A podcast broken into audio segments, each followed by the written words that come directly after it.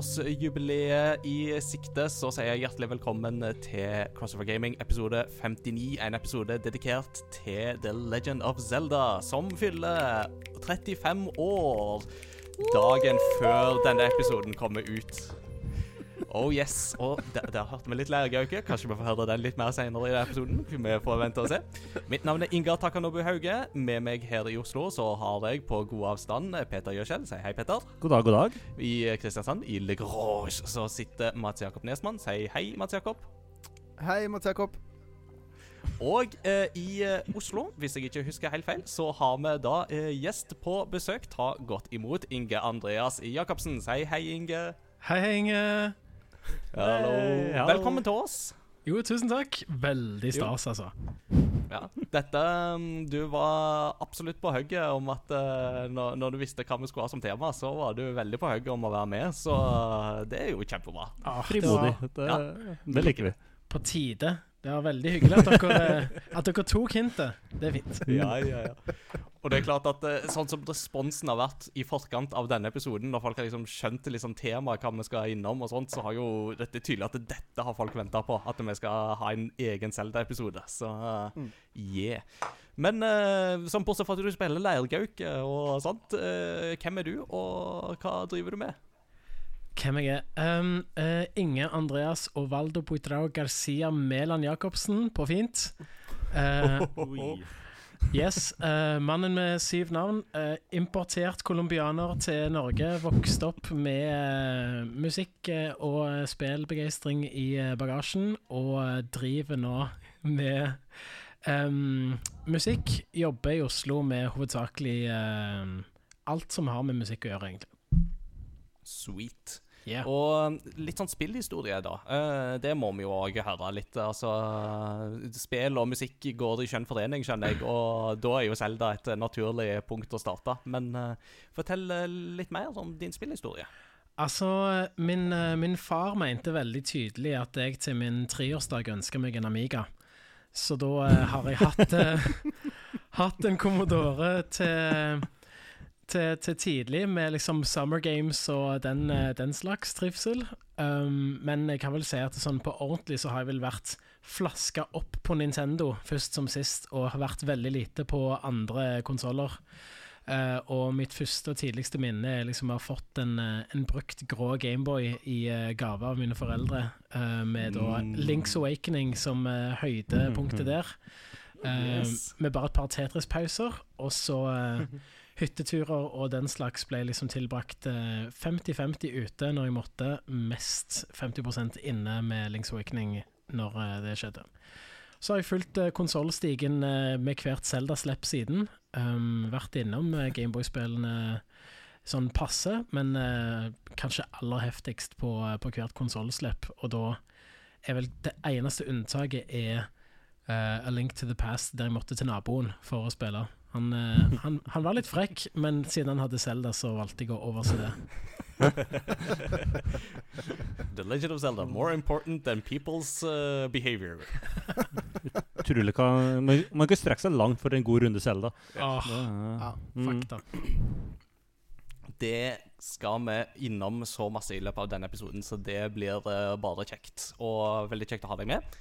Eh, vi må ta en liten sånn sitrep på hvordan det går, eh, Peter. Uh, du kom uh, liksom svett og traskende gjennom snø her på vei til studio, så Ja. Jeg sa vel hva sa kommandører, hva som går og går, og alle kommer til døra. Det er en Peter i motbakke i Oslo. For det, er- du, går, du går opp bakkene, og så segler fotene sånn 15 cm bakover. Så du går og går, og det Ja. ja det, var en, det var en lang tur. Men jeg kom fram. Ja, ja, ja. Bortsett fra det så går det veldig bra. Jeg eh, gleder meg veldig til et av lærerperksa som starter nå neste uke, med ferie. Mm, ja. Eh, så da blir det å game eh, ganske mye. ja. Eh, kanskje vi må ta, få prøvd en runde selv når vi først skal snakke om det her. Jeg er jo litt, jeg er spent på dagens episode. Jeg er helt sikker jeg, By far den med minst peiling på Zelda her. Så jeg har tenkt jeg skal ta litt på meg den rollen og stille de eh, dumme eh, ja, spørsmålene som kanskje vi vanlige dødelige tenker på, da, eller spekulerer på når det kommer til Zelda. Så det, men jeg gleder meg veldig, fordi det er, det er en spillserie som jeg kjenner veldig godt til. Men eh, når du ikke har fått vært så mye i Nintendo-verden Jeg hadde en Xbox den første liksom når jeg var liten, og søstera hadde en PlayStation 2. Men Nintendo det hadde vi liksom ikke, og da var det vanskelig å få spilt så mye um, Zelda. Men jeg har alltid visst hva det var. Jeg, har jo, jeg vet jo at den er venstrehendt, f.eks. Stort sett. Stort sett. Mm, mm, mm, Så det så, Men eh, eller, bortsett fra uh, tunge motbakker og sånn der, så har jeg det veldig bra. Det har vært så mye snakk om vinterferie i, eh, liksom, i forbindelse med koronatiltak og sånt i det siste, og min reaksjon på det, det er vinterferie. Hva var det for noe nå igjen? Mhm. Det er ikke noe som jeg har, for å si det sånn. Det er gamingtid. Ja, det, Det er det. ikke- det. det. Absolutt. Uh, Mats Jakob, Kristiansand. Er skøytebanen fortsatt i schwung? Skøytebanen er i schwung, men uh, det har ikke blitt så mye hockey. Det har vært mye uh, snøskuffing. det, det har vært fryktelig mye snø her nede, noe som det ikke pleier å være. Eh, Så Mm. det har vært litt snøskuffing. Det har vært litt eh, Ja, mye lek, egentlig. Men eh, det har vært eh, Altså, hva skal jeg si? eh, litt sånn eh, Som vi lærere blir. Siste uka før vinterferien, så er det litt sånn Å, jeg er litt ekstra trøtt, litt ekstra sliten, og du kjenner litt på det. Så jeg Mm. gleder meg veldig til vinterferie. Og det er jo en fun fact om meg. Jeg har aldri ikke hatt vinterferie.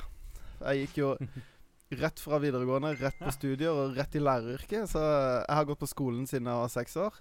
Oi, Eh, oi, oi. Og, eh, og har aldri ikke hatt vinterferie eller lang er juleferie eller kjempelang sommerferie. Altså, masse avspaseringer har jeg nå, da. Det er jo Skal jo ha det på det rene. Nice. Men eh, Så jeg er veldig godt vant. Så jeg har jo innsett at det kanskje blir vanskelig å bytte beite, f og plutselig skulle ha liksom eh, så å si ingen ferie i mine øyne, da. Det er Hårda bud. Det kan uh, skrive under på det, men uh, sånn er det. det Noen må jo fortsatt jobbe for å holde hjulene i gang. Så, og jeg uh, unner lærere en velfortjent hvil. Absolutt. Og elever. Men jeg, skulle, men jeg skulle gjerne hatt ditt, ditt pauserom, da.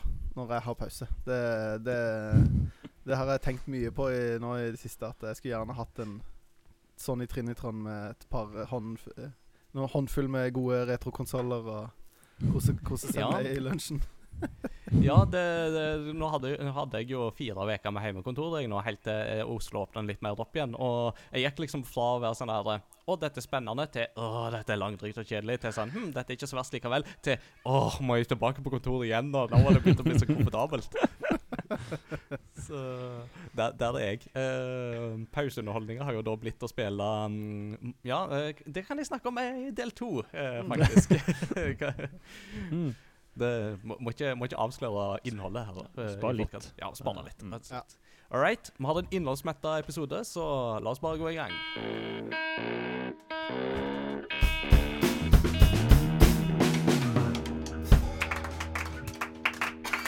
Ja. Eh, himmelsk lyd fra ungdommene. Eh, nå er det ukens kunngjøringer. Det har skjedd litt uh, i de par siste ukene, så jeg tror vi skal på en måte gå litt uh, raskt igjennom uh, noen av kunngjøringene, og så skal vi heller bruke bitte litt mer tid på en av de viktigste kunngjøringene. Um, det kom en litt sånn interessant eh, undersøkelse fra Ipsos og Blå Kors eh, for et par uker siden, som tok for seg barns spillevaner og hvordan foreldre reagerer på det. Eh, veldig mange interessante data der. Eh, dette kan leses på gamer.no. Eh, men det som jeg ville trekke fram der, var at åtte av ti foreldre sier at de ikke vet hvordan de skal forholde seg til barnas eh, økte dataspilling. Og 52% av foreldrene sier òg at de er ikke interessert i spillinga til barna sjøl. Hmm. Um, og da blir det litt sånn interessant å begynne å lure på Er det et visst sånn overlapp øh, her. At hvis du ikke er interessert, hvordan vet, skal du da forholde deg til det? Hmm. Så, og dette går jo litt sånn hånd i hånd med det vi snakket om i siste episode òg. Når vi snakket om dette med hvordan spill har tatt en sånn posisjon øh, blant barn og unge som et veldig viktig ungdomsmedium, mm. så øh, er det jo litt synd å lese at det er så mange som halvparten som bare sånn Nei, vi er ikke interessert i det. Um, Så det er jo veldig synd, da. tenker jeg.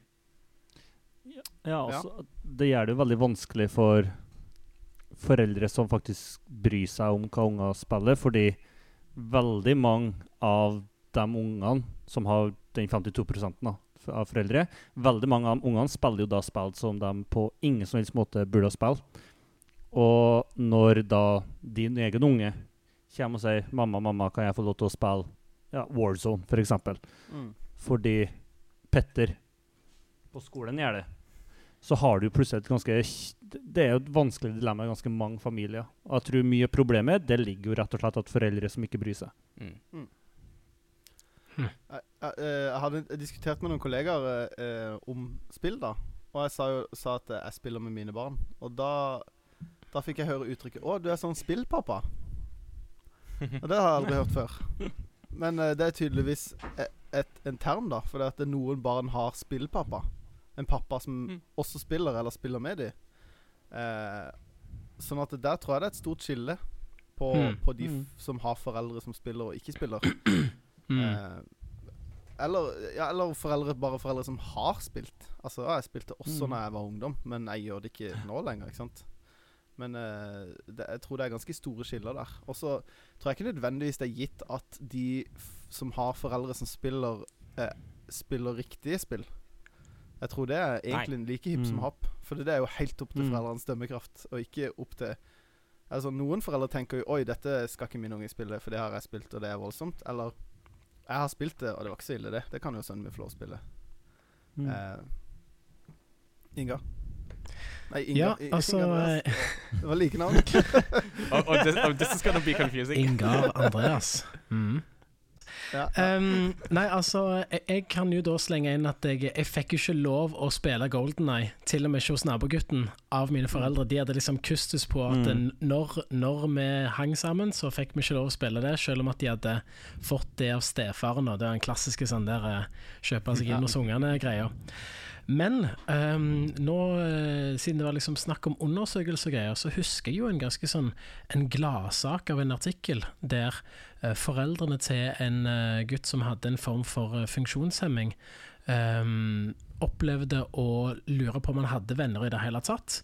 Og så når han da hadde en for tidlig bortgang, så viste det seg at folk han hadde gama med online, dukket opp i begravelsen og møttes sjøl in person for første gang.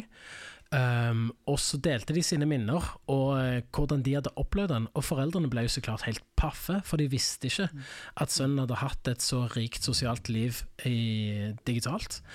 Um, og ble jo så klart helt rørt, og måtte jo heldigvis da um, gi rom for at dette kom ut. Så, så jeg håper jo at de foreldrene som har spillaktive unger, skjønner at det, det, det kan i aller høyeste grad være en ressurs da, å finne måter å liksom om ikke nødvendigvis måtte være, være inne og, og sjøl ha en eh, ha en avatar som du skal følge din egen sønn med online, men, uh, men iallfall he heie fram de gode tingene, da. Ja, Mm. Absolutt. Absolutt. Yes. eh, videre i eh, nyhetsbildet så går vi til litt sånne kjipe nyheter. Uh, Warner Bros. Interactive, eh, de som da har eh, eier eh, lisensen Middle Earth Shadow of Mordor og Middle Earth Shadow of War, har lenge prøvd å ta patent på det såkalte Nemesis-systemet. Dette er systemet med at uh, du møter en uh, ork, og så blir den, lærer den dine kampmønstre og blir sterkere, og så har et eget hierarki osv. Som jo er et veldig unikt element i de spillene. Nå har de tatt patent på det systemet, så det vil si at ingen andre kan bruke det systemet fram til 2035. Uh, og det er jo litt sånn kjipt. Altså, Særlig når vi snakker om to spill som jo låner veldig mye fra Assassin's Creed og Batman. Mm. Så må vi jo si at det er jo litt rart at dette faktisk går igjennom. Mm. Det nikkes rundt bordet, så Ja, det, det- det, tror jeg at det bare var bare det gjengs enighet. I sjokk og vantro. Ja, rett og slett. Så um, neste um, ut er at uh, da tenker jeg at jeg skal ta patent på det å sikte ned et uh, sikte. For det har ingen tatt patent på før, så da skal jeg gjøre det. Oh, det er gull. Yes. Og da skal jeg ha det patentet fram til 2050, så det er så. Um, en, annen litt, ja, en annen litt sånn kjip uh, nyhet er jo at CD Project uh, ble hacka i forrige uke. Det var uh, hva, hva var det hackerne sjøl skrev? You have been epically pwned. Uh, altså pond. Mm. Uh, og da er vi tilbake til 2000-tallet ish. Uh, og de er typ enten ironiske millennials eller ja, hvem vet. Men det var iallfall en ganske stor hack. Kildekode ble lekka og diverse, diverse. Så det var veldig mye som Og interne dokumenter osv. Og CD Project Red de har bare sagt at eh, vi forhandler ikke om det. det. De sitter på det, og det har blitt gjort. Det, de får gjøre med det som de vil. Um, så kravet om løsepenger det ble ikke eh, tatt eh, til følge. Det var annet snakk om et Witcher, uh, nytt uh, Witcher-spill? Eller en fortsettelse på Eller noe til Witcher 3, kanskje? Nei, det var en eldre bild av The Witcher 3. Det var, ja, Sånn, stemmer. Ja. Så det var, ikke et, det var ikke noen Ikke nye spillprosjekter, var det ikke, men uh, kildekodet til Cyberpunk lurer på om har blitt lekka, pluss eldre av The Witcher 3 og Gwent. Det vi kaller ønsketenkning. og. Yes. Så mye rart. Det går jeg, jeg går og drømmer om det, vet du. Så da, det, da leser jeg det. Yeah. Så kjipe greier, men sånn Mm. er det. Um, da må vi overgi det litt mer positive nyhetene. Um, det har endelig blitt casta hvem som skal spille Joel og Ellie i The Last of Us på HBO. Og det er to HBO-kjenninger, for det er nemlig Pedro Pascal og eh, Bella Ramsey fra Game of Thrones. Og uh, Pedro Pascal er òg kjent fra The Mandalorian. This is the way. Eh, This is the way. Og eh, Bella Ramsey hun er jo mest kjent for sin fantastiske tolkning som uh, Liana Mormont. Uh, hun har det unge uh, lady of Bear Island som stiller med Hvor mange krigere var det? 39 krigere, eller noe sånt? Ja, men de, er i fall, de er i hvert fall utrolig sterke. Altså, En mann fra Bear Island er verdt eh, ti vanlige menn, så det så. Ja, hun var based. Det Kul karakter. Oh yes. Så jeg tror at den castinga der, den er spot on og blir Mm. veldig bra. Uh, en ting som jeg tror Mats Jakob gleder seg veldig til, er at eh, Sonic the Hedgehog 2 er blitt annonsert og kommer i april 2022. Og Sonic Lego. Så det blir veldig bra. I tillegg så har eh, da Kingdom Hearts uh, plutselig kommet til PC. Det vil si det skal komme til PC 30. mars. Uh, og så skal vi da òg, i tillegg til det ehm, Ja, nei, det, det var ikke i tillegg til det, men um, Spørsmål om Kingdom Hearts. Har du spilt det noe, Peter? Nei.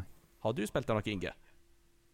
Uh, nei, men jeg har sett det, og syns det har virka liksom eh, spennende, rett og slett. Det en, en kul greie. En mashup-konsept som jeg eh, ja, absolutt kunne ha sett for meg og fulgt.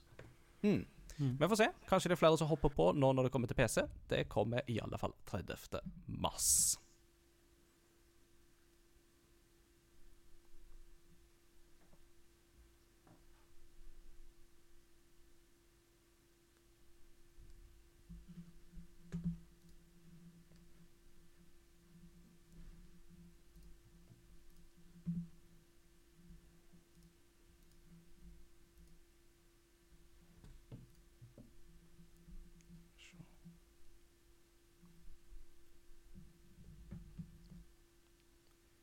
Så er det på tide å snakke om den største nyheten av de alle, nemlig Nintendo Direct, som da var i går.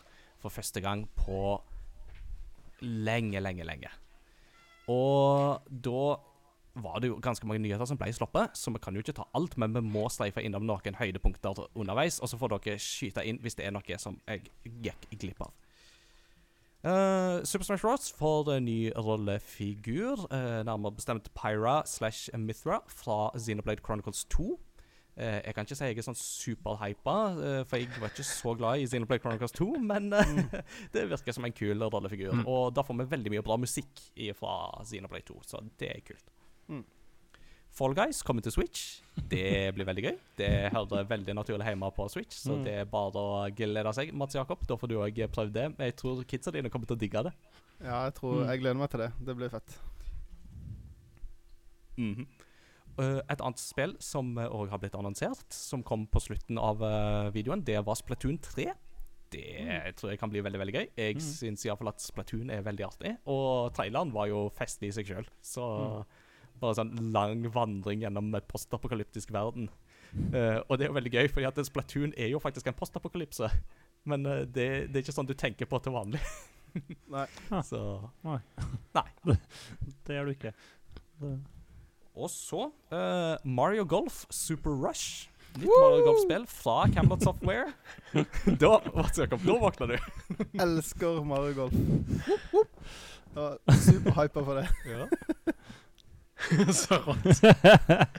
Det Og det var da med Hva var det? Og, og det var da med speed uh, mode og story mode. Ah, helt rått. Jeg, jeg, jeg gleder meg. Jeg elsker golfspill. Det Ja, konge. Instabay Nydelig. Mm. Yes. Uh, en annen ting som jo også kanskje Mats Jakob uh, syns er ekstra gøy, er jo da Capcom Arcade Classics. Uh, en samlepakke med masse gamle Capcom-spill. Jeg er veldig gira på det. De har sluppet noe lignende tidligere, har de ikke det? Eller har de annonsert det før? Var det helt nytt? Det var helt nytt. Eh, Sega har vært flinke på å gi ut sånne ting før. Capcom har vært litt sånn ymse på det. Ja, OK. Ja, nei, det kan godt hende jeg Så det har sett feil. Mm. Og så får vi to spill som jeg gleder meg til, nemlig Famicom Detective Club. Uh, to visual novel-krimspill som kom ut på den originale NES i Japan. Uh, og nå får den total eh, remake med skikkelig sånn eh, nye estetikk og lignende. Så det, det kan bli litt gøy for sånne som meg som syns det er litt gøy. Kult. Og så min personlige favoritt ifra mm, i, i går. Project Triangle Strategy. Et Mm. uh, nytt 2D HD-spill fra folka som lagde Octopath Traveler. Som da er i samme ånd Mm. som Final Fantasy Tactics og Tactics Ogre. Altså Mm. turbasert uh, rollespill der. Mm. Nydelig. Det ser så magisk ut. Og demo er ute nå på Switch. Kom til neste år. Kult. Ja, det var Det så Og så. Yeah. Og så en annen ting som kanskje Mats Jakob eh, vil synes er litt gøy. Legend of Mana remaster. Woo! Endelig kan jeg spille det. Jeg har, eller er det det jeg har på Tror det er Legend of Mana jeg har på DS. Du har det på Gameboy? Ikke på Gameboy. På jeg, jeg har det på DS, men jeg har bare på japansk. Jeg tror jeg spilte tre timer, og så orka jeg ikke å, å gjette mer. Men jeg, jeg liker Mana-serien. Jeg syns jo konseptet Jeg syns jo alt med det er veldig attraktivt. Mm. Mm. Mm. Sweet, sweet. Og da er det jo bare én liten eh, nyhet igjen eh, som jeg har valgt ut, og som er en fin tie-in til resten av episoden. The Legend of Zelda Skyward Sword HD kommer i juni eller juli. eh, husker ikke helt, men i alle fall til sommeren. 16. juli. 16. juni, tusen takk. Uh, med da joycons uh, i eh, liksom sånn Skyward Sword-fargetema. oh, tema. Og for å svare på det spørsmålet allerede, ja, du kan nå spille kun med å bruke knapper og Mm. joystick. Mm. Du trenger ikke å vifte hvis du ikke vil, men du kan gjøre det hvis du vil. Det er litt stas å vifte òg, da. Det, Ja, det er jo det, men det kan bli litt keitete òg. Hva tenker du, Mats Jakob? Men uh, er det Ayonoma han heter, han uh, Zelda-produsenten? Han Mhm. han, han gråmelerte man mannen. Eh, han han snakka om Mhm. at de har jo oppdatert eh, De har brukt Han skrev jo de har fokusert på å oppdatere kontroll... Altså å få det til å bli enda tightere enn det var på, på Wien. da Så jeg er jo veldig spent på om Mhm. det funker. For det, når vi spilte gjennom det spillet til altså, Ja. mm. for, for det første er jeg litt irritert for at vi akkurat har spilt gjennom det. eh, for det, det betyr at jeg må spille gjennom det i juni. Eh, men eh, oh, stakk, stakkars. Ja, det er veldig dumt. Eh, men eh, men det var jo en av de tingene som var litt sånn der Vi var jo litt spente på det kontrollsystemet. Åssen det var å gå tilbake til. Åssen det det var opplevdes nå kontra da. Og jeg opplevde jo at det, det var jo litt som eh, Twilight Princess. Det var jo litt sånn vifte vifta jo Endte jo opp med å bare vifte litt også. Eh, så jeg er spent på om de har klart å gjøre det til sånn at du faktisk ikke bare vifter. Og det som var fett med den eh, eh, knappe ikke-viftekontrollen, er jo at du bruker høyre joysticken til å si hvilken vei sverdet skal svinge. Jeg er veldig spent på hvordan det skal funke. Mm. For det, hvilken knapp bruker du da til sverdet? Er det skulderknapp? Du, du bruker stikka. Altså, når du du, bruker trykker stikker, ned, så svinger du ned. Mm. Mm. Ah, interesting. Jeg trodde det var sånn greit Pek i den altså. retninga, Mm. og så er det den veien han svinger. Nei, Ja. ok, ja. Det kan bli interessant. Mm. Mm. Jeg må jo Eh, chime inn og si da at uh, i den sammenheng så har de jo ehm, De hadde et sånn eh, lignende Four Swords Adventures, men da med garn-link-figurer som de slapp til Wii U. Der du òg kunne liksom sverde reelt med motion controls. Og det Altså For en som har trykka på knapper hele livet sitt, så var det litt rush å føle at du faktisk har en form for sverdbevegelse. Mm. Så selv om at jeg er helt enig i at det første Skyward Sword var jo opplevdes til tider klumpete, så må man jo tenke litt med retrobrillen at det var et første forsøk på noe, og det var Mm. altså Det var modig, og det funka jo på de viktigste måtene jeg ville forventa at et framsteg i kontrollteknologi skulle være. Så kan det jo sies mye om Skyward Sword sånn ellers, men jeg syns det var skikkelig kult at akkurat det gikk an. Ble liksom en hakket mer del av spillet enn ellers. Ja. Mm. Mm. Veldig, veldig. Eh, I tillegg så er det veldig tydelig at uh, frameraten har blitt oppdatert. Så alt av bevegelser og animasjoner går mye bedre nå. Um, fortsatt så blir det jo litt interessant å se hvordan man takler hele denne her art-stylen. Det er jo, Noen har jo påpekt at det fortsatt ser veldig grøtete og tåkete ut. Eh, det er jo litt sånn art-stilen i det spillet er. Uh, mer om det kan jo folk uh, sjekke ut vår uh, Retrospill-laug-episode om Skyward Sword for å vite litt mer. Eh, men eh, jeg tror uansett at det blir i alle fall en uh, forbedret opplevelse. Og ikke minst dette med at du nå får, kan spille det bare med bruk av knapper. Det vil være så mye lettere for folk å plukke opp det spillet. Mm. So yeah. Mm. Tror det. Bare siste ting med det med knappene. Jeg syns det er For det er noen Wii U Nei, Wii U-spill. Switch-spill. Det, var- nettopp noen som kommenterte det her i, på discorden med et spill som de ble skuffa over at de ikke kunne spille hand, eh, håndholdt. Eh, Mhm. Jeg husker ikke hvilket spill det var, men de var jo veldig tydelige på at vi har gjort dette sånn at man kan spille det håndholdt, og at man kan spille det på Switch Lite. At vi Mm. ikke ekskluderer eh, noen måter å spille det på, da. Og det var på en måte hovedgrunnen. Det var ikke for, for å på en måte gjøre det annerledes, for spillet ble jo lagd med den intensjonen. Eh, men eh, jeg syns det er kult at de Eller sånn er, er, Det skulle jo vært en selvfølge, på en måte, men eh, jeg syns det er bra at de gjør det, da. At de inkluderer alle ulike playstiler. For det er jo det som er så fett Mm. med Switchen, at folk spiller det, Folk spiller og bruker den på forskjellige måter. Det er Mm. ikke, det er ikke Ja, en statisk ting, og det, det syns jeg er sykt fett med Switch. Og som jeg tror er en av nøklene til suksessen. Ja. Mm, Mm. poeng. Indeed, indeed. Så til sommeren, folkens, da kan dere få sjekke det ut. Uh, and I calculate a 70% chance that this game will still be a divisive game, master. Absolutt. Men spørsmålet er om 5% battery life, master. Ja. Master, before I leave, I just want to say one thing. Your battery is almost depleted. Åh, det var så bra meme. ja, fantastisk. Åh. Nei, det blir gøy å se hvordan en ny generasjon eh, takler Fi. Det blir eh, spennende. Men eh, ja, jeg gleder meg. Eh, spilte det igjen i fjor og skal spille det igjen i år, så det blir fint. Ikke noe problem. Ikke noe problem. Nei da. All right. Med den tie-inen der, så tenker jeg at da er det jo på tide å faktisk snakke om Zelda i sin helhet. For nå, nå er det jo da et, et 35-årsjubileum som eh, er på trappene. Når denne episoden kommer ut på mandag, så var 35-årsjubileet i går. Eh, altså 21. februar. Eh, nærmere bestemt 21. februar 1986 ble The Legend of Zelda sluppet til Famicom Disk System i Japan.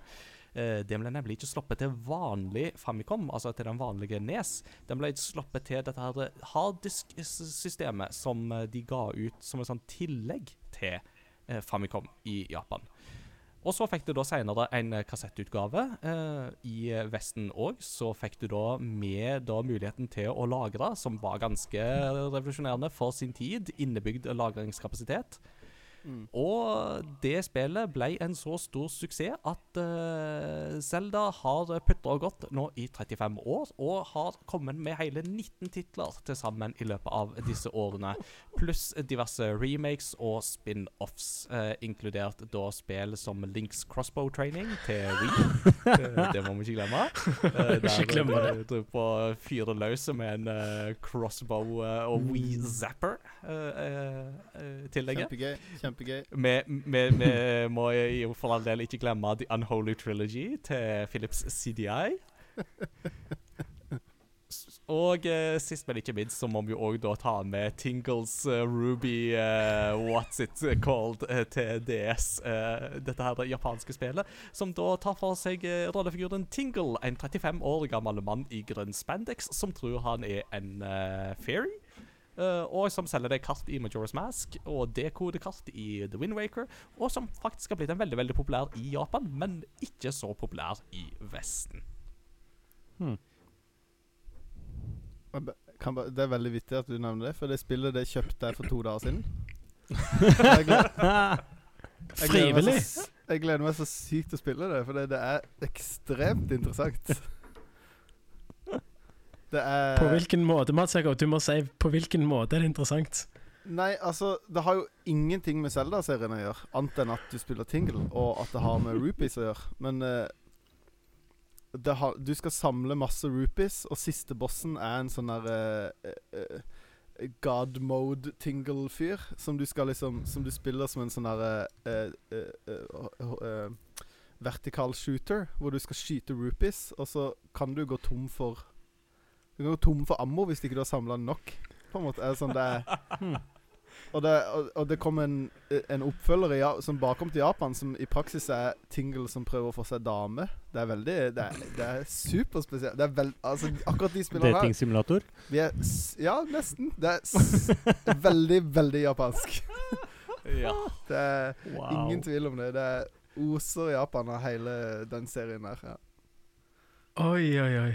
Det er nesten litt leit å si, men det oser jo kanskje litt Japan av rollefiguren òg. 35 Eh. år og nekter å bli voksen og Mm. Lidenskapelig opptatt av kart. Ja. og, fe og uh, fairies, Ja. Mm. Og tar seg godt betalt. ikke Ja. minst. Og har sin egen patenterte lille dans. Ha! Jo! Kururin-pa! Og Wow. da blir det kartet lesbart. Det er nydelig. Ja da. Bestselgende spill i serien det er ikke så overraskende The Legend of Zelda Breath of the Wild, som kom Mm. til Wii U og Switch 3. mars 2017. Eh, Det har solgt over 20 millioner eksemplar. Så på et tidspunkt så var det til å bli solgt flere eksemplarer av spillet enn det var solgt Switcher, så det var jo ganske interessant. Um, det var da helt i startfasen, da folk sleit med å få tak i Switch. Så, men jeg tror de kjøpte spillet bare for å være klar. Da er noen veldig store fans ute og går her, som Og Zelda-serien totalt har solgt, uh, ifølge de kildene jeg fant, 104,3 millioner eksemplar, og er dermed en av uh, de største suksessene til Nintendo, Uh, i tillegg til da Mario og Pokémon. Og kanskje Animal Crossing har gått forbi Nei, Animal Crossing har ikke gått forbi, det har det ikke. Men eh, ikke sånn totalt sett, iallfall. Men nå må vi jo ta oss og snakke litt om serien òg, da. Og Inge Andreas, hva er ditt forhold til The Legend of Zelda? Hvorfor er dette en serie som bare er sånn Det er så bra at da må jeg snakke om det i Crossover Gaming. Altså, jeg skal bare hoppe rett til kjernen og si at uh, det er jo en spillserie som klarer å fange opp den menneskelige opplevelsen på en utrolig underholdende og innholdsrik og uh, utfordrende måte, syns jeg. Hmm. Rett og slett. Det er oppdagelsesglede, hjernetrim, uh, kjærlighetstrøbbel, bli banka opp for så å bole seg sjøl opp til å ta hevn. Altså sånn det, det er jo den ultimate liksom eh, heltereisen, og, og at de klarer å på en måte utfordre og utforske sin egen suksessformel på så mange interessante måter. Det Jeg blir liksom Jeg blir, jeg blir fylt av beundring for disse her eh, salige japanerne som klarer å trø ut så mye spennende innenfor ett og samme univers. Eller Mm. eventuelt eh, speilvendte kongeriker av det universet.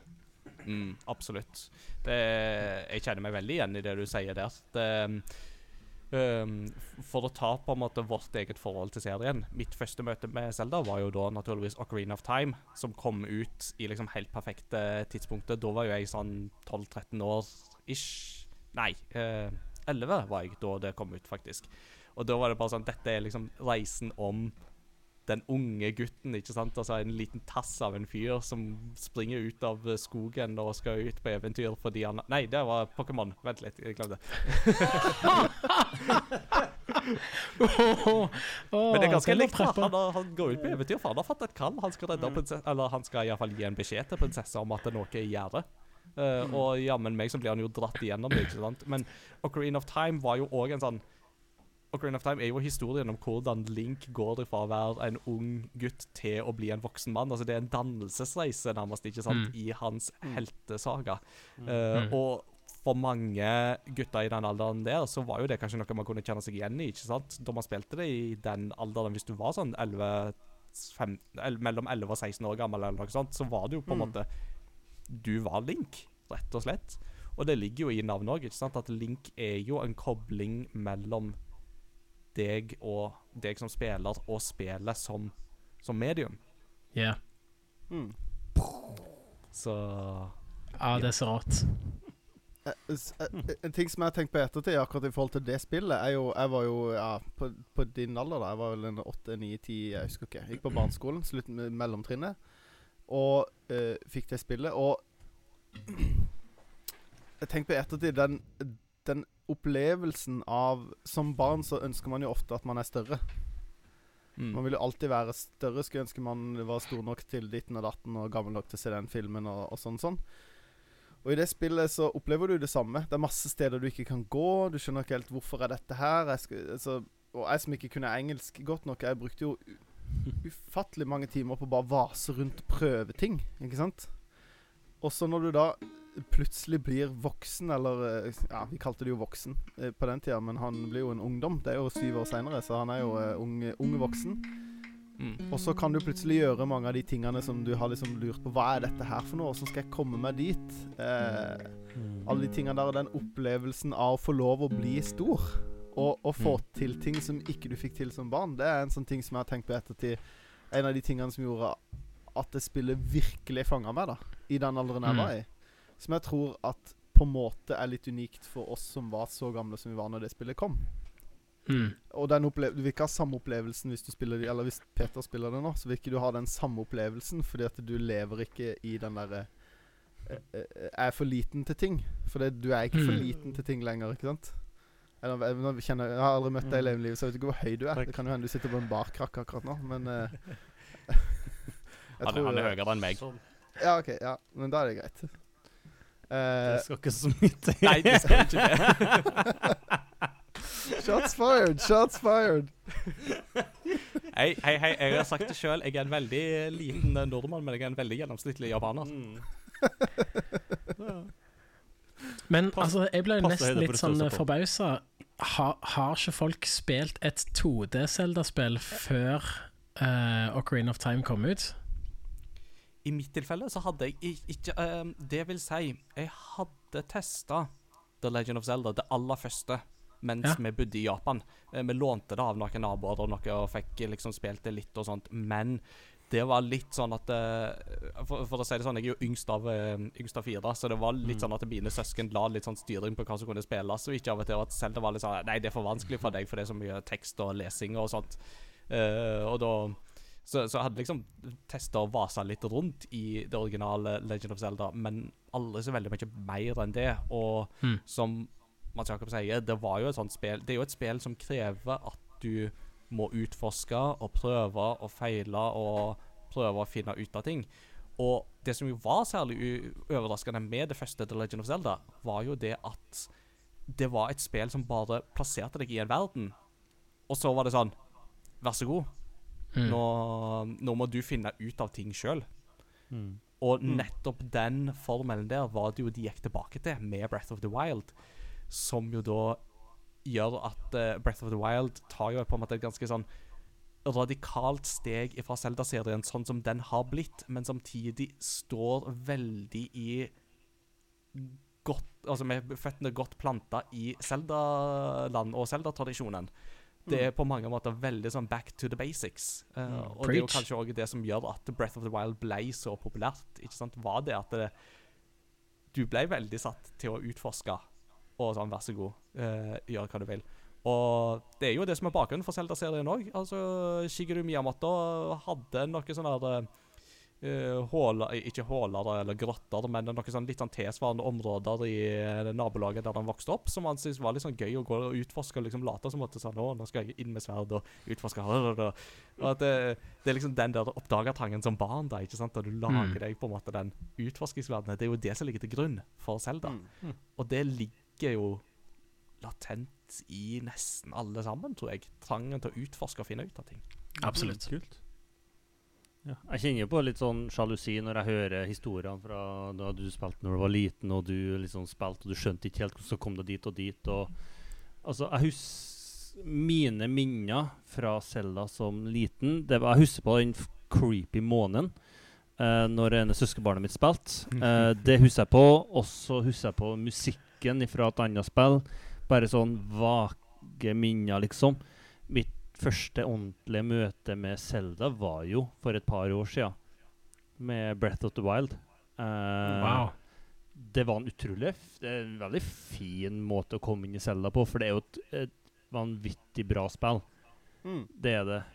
Men jeg får jo liksom Det, det er jo litt vondt, da, som gamer, når jeg, du hører liksom alt historiene som en har på en måte gått glipp av fordi ja, vi hadde ikke Nintendo. Det, det, det var liksom ikke noe å spille på. Det- Søskenbarnet mitt, som bodde eh, to og en halv time unna, de hadde Nintendo. Men det Det å reise dit for å spille Nintendo, det er ikke Det var ikke godkjent grunn til fra mor og far, da. Uh, så da, da ble det liksom ikke det. da det, det, det, Vi måtte leke ut. Uh, så det så det er sånn Jeg kjenner jo bare mer Det er nesten vondt å være med her nå, for jeg kjenner jo bare mer og mer at jeg har jo mista noe stort der. Ja! Så det må jo vi må jo Ja, jeg har arbeid foran meg. Men ja, vi har, vi har så vidt starta, jo. Ja. Nei, eh, for å gå tilbake til Inger Andreas sitt spørsmål. Eh, mitt første Zelda-spill var Ocarina of Time. Eh, og det er jo sånne ting hvor man er på en måte prisgitt eh, Jeg jeg arva min søsters eh, NES. Eh, og vi hadde ikke Zelda. Ingen av mine venner sine eldre søsken hadde Zelda. Uh, så jeg kjente ingen som hadde Zelda. Jeg hadde, jeg på en måte, hadde aldri hadde ikke engang sett det her, denne her gullkassetten. Eh, så jeg hadde ingen venner som hadde Zelda. Jeg hadde aldri hørt om det. Og uh, jeg hadde eh, Min første Gameboy var en eh, gul Gameboy Color med Pokémon blå. Mm. men eh, Og jeg hadde ikke Super Nintendo. Og jeg hadde én venn som hadde Super Nintendo, og han hadde heller ikke Zelda. Eh, sånn at eh, Åh, da er han en dårlig venn. så, så jeg på en måte kjenner at jeg var jo prisgitt hva andre hadde. Og at eh, jeg har eldre søstre. Det er jo ikke noe sånn Det noe sånn Å, derfor likte de ikke Zelda, men, men, men de ville ha Tetris og Lemmings og Mario. Altså, det Mm. var eh, litt sånn, da. Men Zelda var jo veldig sånn eh, Grunnen til at jeg kjøpte ville ha Zelda, var jo reklamen på TV. Mm. Og det, og det er så sykt deilig og at jeg Det var sånn Når et program var ferdig, bare Yes, den er reklamer! Please, kom den reklamen! Den reklamen Den reklamen den, Jeg har ikke klart å finne den reklamen igjen. Den ligger ikke Hæ? på nettet noe sted. Ah. Eh, det Den er er en så bra, reklame den. Ja, husker du den reklamen med, Ja, hvor det var sånn kom klassisk igjen, stykke? Var jo Du helt vet jo hvem du, vet du, hvem du snakker med, så ja, ja, klart husker er jeg. men, den, Jeg men jeg har husker til og med alle alle på, tingene som står der. på. YouTube. Jeg kan beskrive den for deg i levende live etterpå. Ja, men jeg har jo beskrevet det øyeblikket her før, en gang hvor uh, min søster sang i uh, domkirkekoret. Og så hadde foreldrene mine dratt meg med på konsert. Og så var jeg litt sånn Åh, det har jeg ikke lyst til. Så begynner jeg å spille, og så kommer det en sats. Og så kommer den satsen som de brukte i den Zelda-reklamen. Og jeg bare Åh! Hører det med symfoniorkester og kor, og det var bare helt sånn derre uh, Det får gåsehud bare av å tenke på det, liksom. Det, det var så rått. Men den reklamen, den var bare helt sånn den viste jo Det var ikke masse gameplay og sånn. Det var, det var den der scenen når Link står utenfor eh, eh, porten til Hyrule Town. Og Mm. Ganondorf kommer ut, og alt er litt sånn dust og drømmete. Og så var det den musikken, og det regner, og jeg bare Hva er det spillet her for noe? Det ser jo helt sinnssykt Mm. ut. Det er jo Og det vekker den derre eventyrlysten På en måte den derre som du snakka om i stad. Den derre Jeg har lyst til å gå med et pinnesverd i skogen og dra på eventyr, på en måte. Mm. Eh, ble helt sykt nysgjerrig på, på det, da. De som finner den reklamen, får en premie. Nesten så, så Ja, det er ikke langt unna. Altså, jeg tror jeg skal cashe den premien mens vi er i tagning nå, for jeg tror jeg fant den. Men, eh, men jeg, skal ikke selge, jeg skal ikke selge skinnet før bjørnen og reklamen er felt. Men la oss bare la den henge litt, og så har jeg sendt en link eh, til oss alle uh, på internettet. Nice. Da blir det fin, uh, fin pauseunderholdning uh, der, Mm. tenker jeg, når vi tar pause. Mm. Nice. Um, og, men altså, når dere snakker om det med musikk og Zelda, så er jo det òg et kapittel i seg sjøl, ikke sant? Oh. Det, I episoden som jeg lagde om spillmusikk, så måtte jeg jo innom Zelda. Uh, og det er jo fordi at uh, Ocarina of Time ble jo for meg en sånn mind-blowing experience for hva spillmusikk faktisk kunne vært. Det var jo det som åpna opp mine ører der, på samme måte som Star Wars åpna meg for filmmusikk. Uh, og det å på en måte tenke seg Mm. Zelda uten eh, musikken er rett og slett helt utenkelig. Helt ifra Koji Kondos nydelige komposisjoner på det aller første spillet til A Link to the Past, der du får klassikere som Hyrule uh, Castle-temaet og Dark World-temaet, som bare er liksom mesterverk som bare står tidens tann den dag i dag, til Ocarina of Time, som jo bruker instrument som et interaktivt uh, verktøy for deg som spiller. Altså, du må spille musikken. Uh, Mm. Mm. Og hvordan dette har siden blitt bygga videre på i eh, alle Zelda-spillene, så spiller jo musikken en helt sentral rolle. Og en av mine beste Zelda-minner eh, er jo da jeg fikk gleden av å reise til Globen i Sverige for Game Reactor for å dekke en Zelda-konsert som eh, ble spilt av da. Og det var Det å bare oppleve den musikken i levende live, det er en helt særegen opplevelse, altså, som jeg håper alle kan oppleve en gang i livet. For det, det er sånn Da, da triller tårene, og det er bare vakkert, altså. Og i tillegg til det så må vi òg trekke fram at um, Zelda er jo òg en serie der um, artworken kommer veldig nydelig fram. Altså med en særegen stilart. Så er det liksom aldri tvil om at du, det, det du ser på her, det er Zelda. Det du spiller her, det er Zelda. Og jeg, jeg, jeg har liksom alltid tenkt at den mash-upen mellom eventyrlyst, utforsking, gåteløsing, action, fortellerteknikk, men òg elementer som liksom musikk eh, og det, store fokuset på kunst og artwork og godt design og sånt, at det er det som kanskje er en del av appellen til Zelda. Både på tvers av generasjoner, men òg på tvers av landegrenser og kjønn. Altså, det er jo, altså, Zelda-serien er jo kjempepopulær blant kvinnelige gamere. Mm. Um, kanskje mer enn enn Mario er nesten til tider, vil jeg påstå. altså. At det, Mm. fanbasen er kjempestor. Um, og selvsagt så hjalp Ocarina of Time litt der, med liksom unge Link, eh, eller, eh, eller voksne Link, som eh, har en viss likhet med Leonardo DiCaprio. eh, som jo eh, ikke akkurat var holdt på å si, upopulær eh, på det tidspunktet der. Så mm, Ja, eh, altså, jeg tror at den alle de, alle de elementene da er med på å skape en helhet som appellerer til veldig veldig mange spillere, tror jeg. Eh, En ting som jeg syns er eh, Apropos det med, med, med, med kjønn, da. Så syns jeg jo at eh, Zelda er jo ikke en vanlig Hun er ikke Princess Peach, for å si det sånn. Hun, hun, eh, hun er jo veldig ofte delaktig, spesielt i siste bosskamper. Eh, Og spesielt i Breath of the Wild, der er hun jo badass. Der er hun Mm. så tøff. Men bare det at i Ocarina of Time òg, at hun er delaktig i den bossfighten og i eh, eh, eh, Wind Waker, så er det jo eh, Så er hun også delaktig i den bossfighten. Sånn at det er Det er også kult at den der eh, Den eh, mannlige protagonisten ikke Han klarer det faktisk ikke alene. Han trenger hjelp Mm. til slutten. Og det Mm. Det syns jeg er kult, men jeg tenker òg det er en ting som Som Som, eh, som mange flere enn meg syns er kult, og som eh, eh, på den tida ikke var spesielt vanlig. Mm. Eh, på samme måten, da. Og hva skal jeg si, hun er jo fremdeles eh, Blir jo fremdeles framstilt som en prinsesse som skal reddes, osv. Men, eh, men også med de her eh, sh- Shika-klanen, da. Med kvinner som Mm. er kule. Og Grudos og det, Ja, det er mye kule kvinnelige roller som ikke er sånn tradisjonelle, da. Som jeg syns Mm. er veldig fett. Mm. Mm.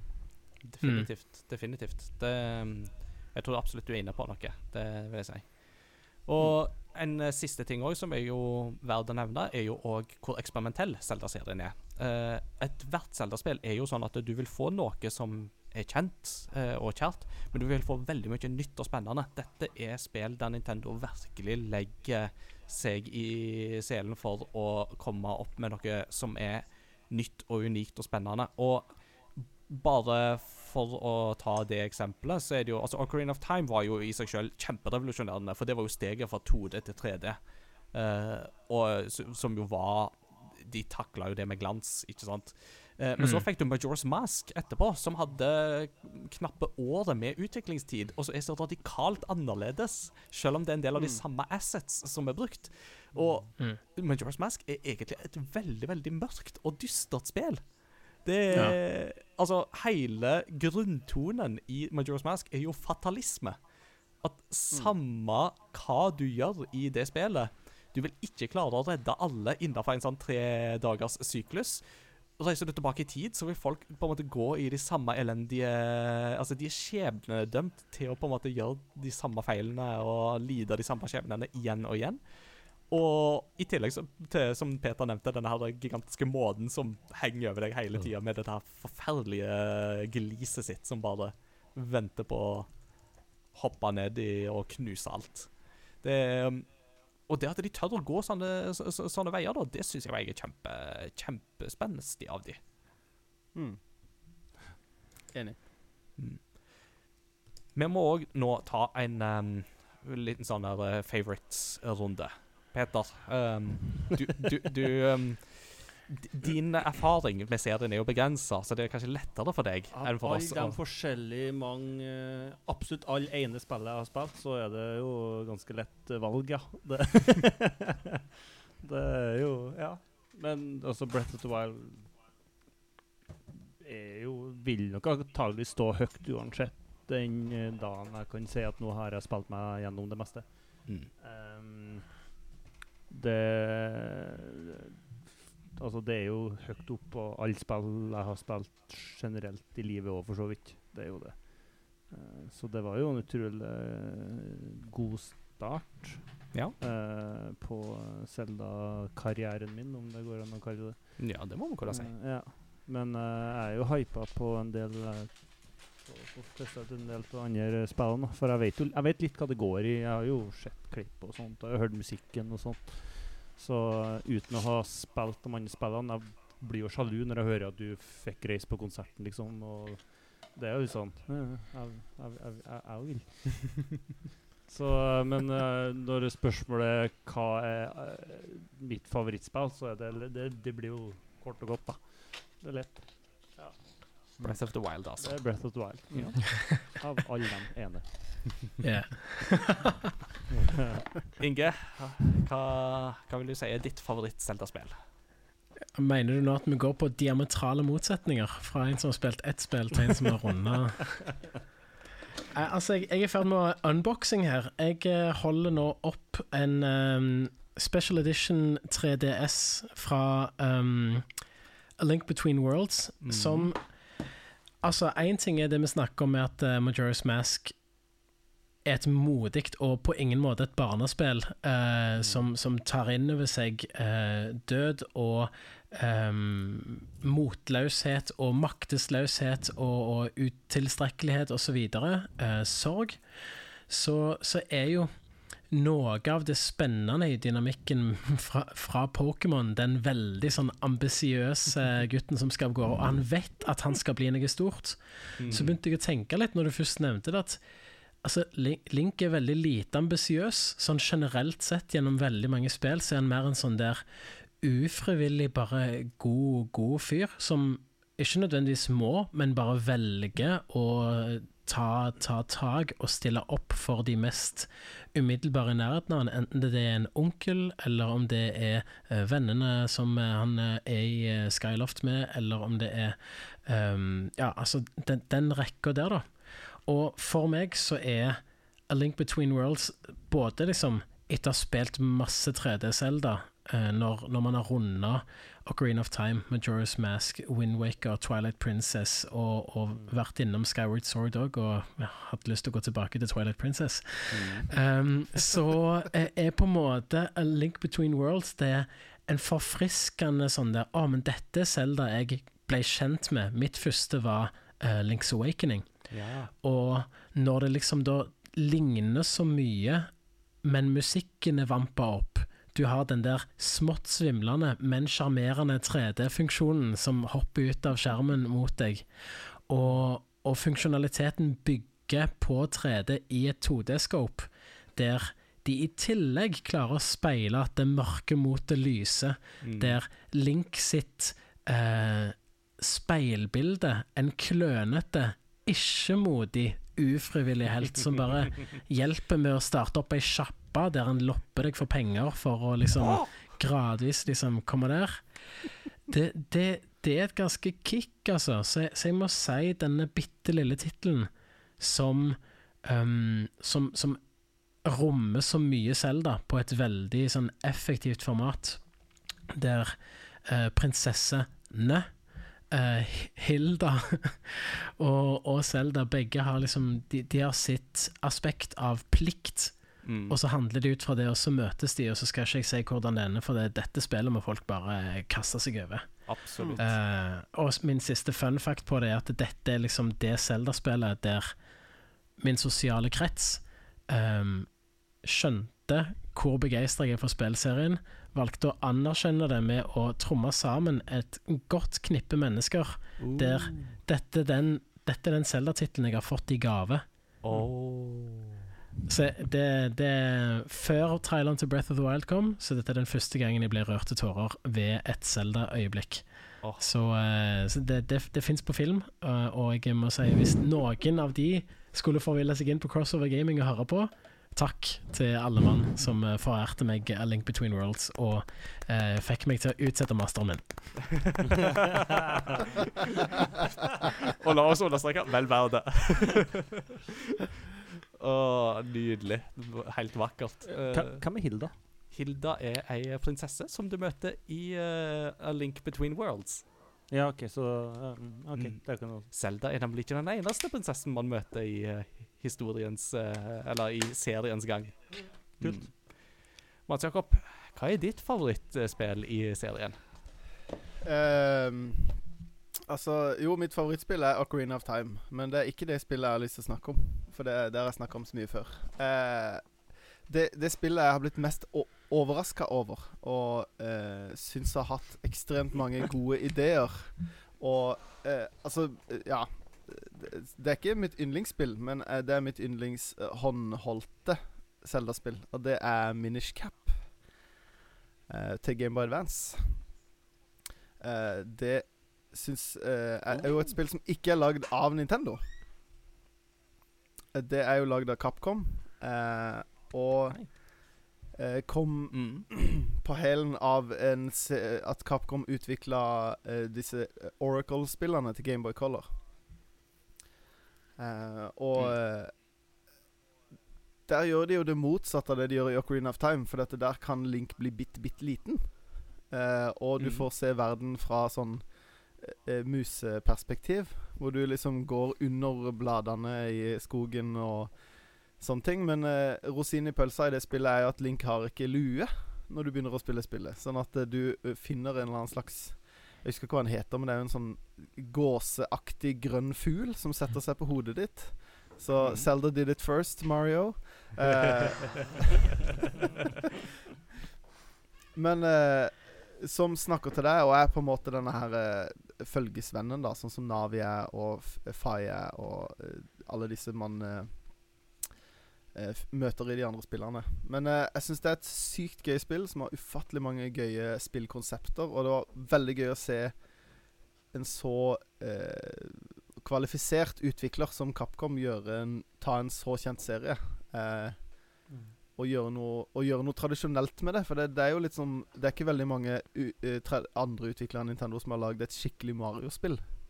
På Nei. samme Mm. måte som Capcom har fått lov, fikk lov å lage et Zelda-spill. da eh, Mm. Ja, poeng. Og de eh, leverte, syns jeg, da. Jeg syns det er sykt gode spill. Oracle-spillerne også, men eh, jeg syns um, Minish Cap er et vanvittig bra spill. Også Oracle-spillerne, hvis man uh, liker uh, Link to the Ikke Link to the Past, Link's Awakening, så er jo Mm. Oracle-spillerne en veldig naturlig etterfølger av de spillene. Absolutt. Absolutt. Mm. Yeah. Nei, uh, sjøl så må jeg nok uh, slenge et uh, kort til Peter her, da. eller gi en pluss én til Peter. Det, for meg så er det Breath of the Wild som har blitt eh, nye favoritten. Og det jeg, jeg, jeg må jo Altså, jeg har jo fortalt om det før da, men altså I nesten 20 år så var jo Ocarina of Time min all time favorittspill. Altså, hands down. Det var, det var ingenting som kom i nærheten. Og det måtte faktisk et nytt Zelda-spill til for å overta den posisjonen. Og det var Det, det å ta ei uke ferie i, i det Switchen kommer ut, bare for å spille Breath of the Wild non-stop i en hel uke, det er fortsatt et av de beste, en av de beste spillopplevelsene jeg har hatt noensinne. Og det er noe med det der som vi snakket om, med at eh, Breath of the Wild viderefører virkelig den der utforskningsfølelsen som Mm. jeg virkelig eh, opplevde med Ocarina of Time. Men òg eh, så masse bare utsøkte, nydelige musikkøyeblikk. Eh, stilarten til Breath of the Wild er liksom så Så meg. Eh, treffer meg så godt. Eh, og for en som da har fulgt Zelda-serien i 20 år, så er det veldig mange easter eggs å finne der. Alt ifra liksom eh, plasser Altså, mm, plassene på kartene he- heter jo ting fra forskjellige personer og lokasjoner i serien tidligere, til musikalske, nydelige mm, toner, som uh, f.eks. når det kommer til når det kommer til denne her um, Er det Ritos de heter? Disse her som flyr i um, Mm, Ja, mm. eh, i uh, Breath of the Wild. Når det kommer til Rito-byen, og så hører du en uh, tolkning av uh, Dragon Roost Island-temaet fra The Wind Waker. Fordi det er jo det Mm. samme folket, bare i en litt annen Zelda-setting. Men her får du en sånn tilbakelent, melankolsk tolkning av det, med liksom sånn gitar som går sånn Og det er bare sånn Nå skal jeg bare sitte i fem minutter og skal bare nyte av dette. Det er magisk, og det Ja, sånt blir det best game of all time av. Mm. Jeg må jo komme med en liten innrømmelse. Jeg skal, jeg skal sette den litt lenger unna før jeg sier det her. Fordi når jeg spilte Breath of the Wild, så Jeg er veldig glad i å høre på musikk. Når jeg, eller at det skal være musikk når jeg spiller. Og når jeg da Jeg syns det var litt lite musikk.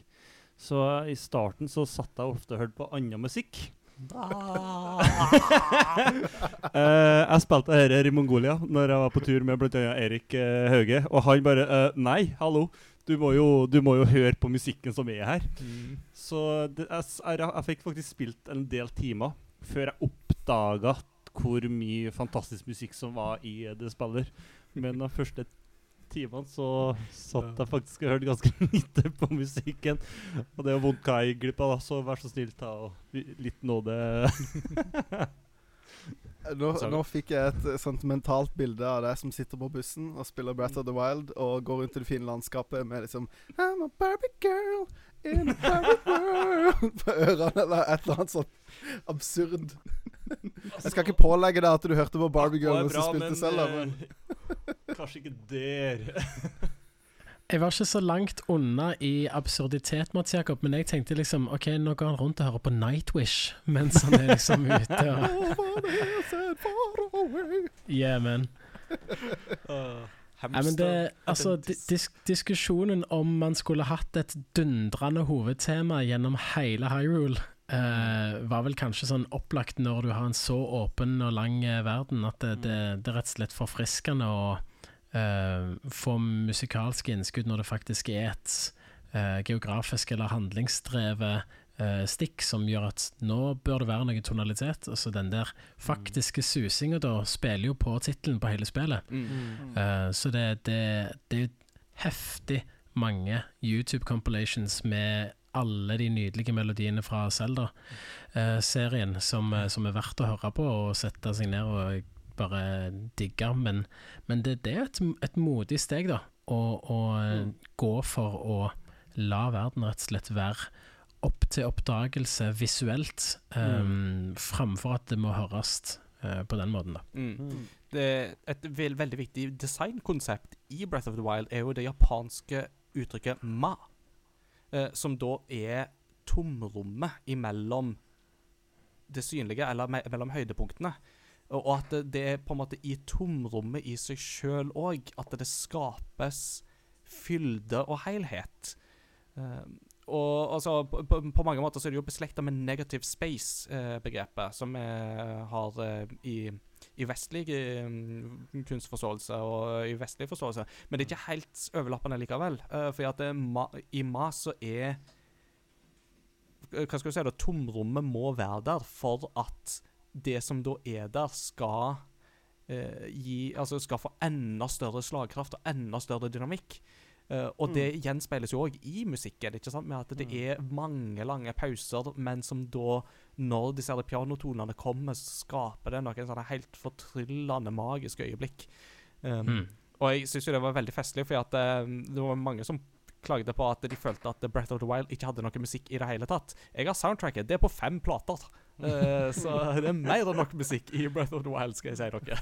Det er modig kunst. Det er jo det. Mm, men det er modig, det, og det er veldig annerledes fra hva vi er vant til. Men eh, det, det, det er noe litt sånn Studio Ghibli-ish over Breath of the Wild òg, som jo gir det den gjenklangen òg, da, og som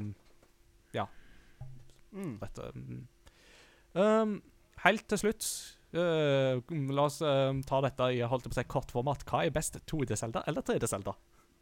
What? Nei, basert på de alle ene spillene jeg har spilt, altså.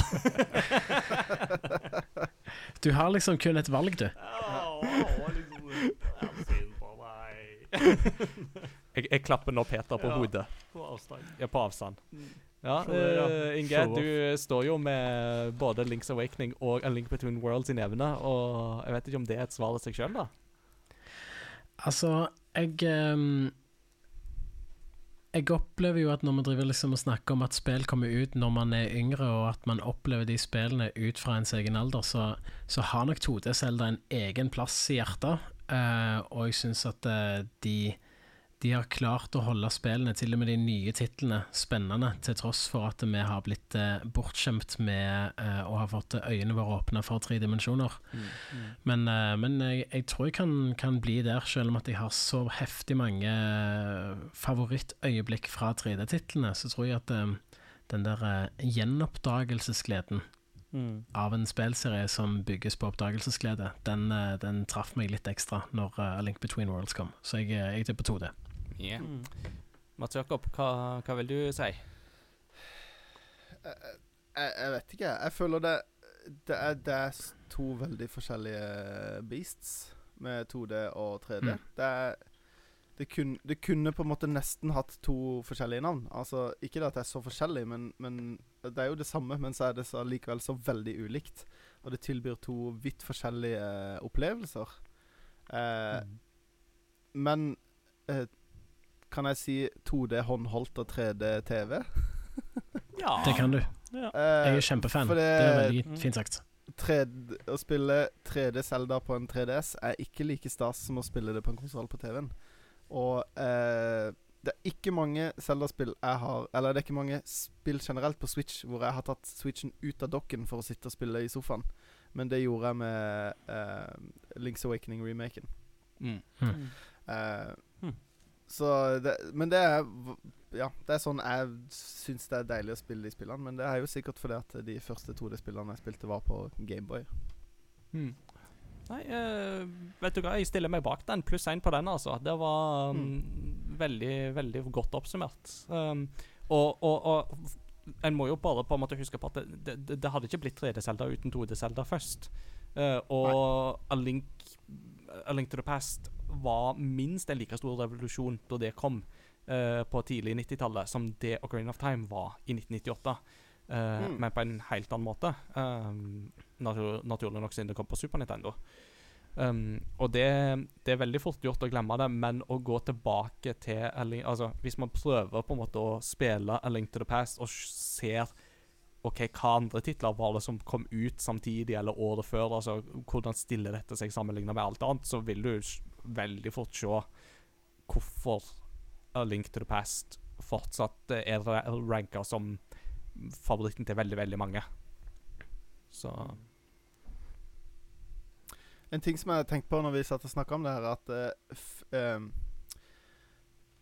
så, som jeg, eh, Vi har jo snakka mye om eh, Breath of the Wild. Eh, en ting som jeg syns er sykt fascinerende med Breath of the Wild, er at eh, jeg har eh, to gode venner. Simon, som har vært gjest her, og Christer, som jeg spiller Pokémon-kort med. Mhm. Eh, og begge de to eh, har kun f før Breath of the Wild så å si utelukkende hatt forhold til 2D Zelda. Eh, men, Oi. begge, men begge to er blitt Altså, de kjøpte Breath of the Wild altså 110% begge to.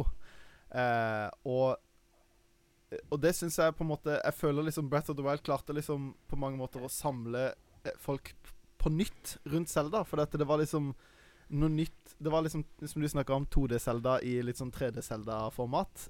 På en eh, 2020-skala.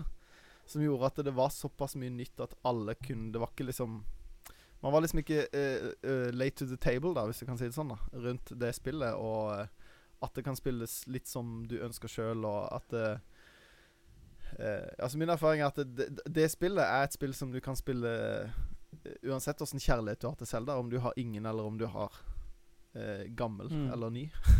eller sånn. Du får grisebank uansett.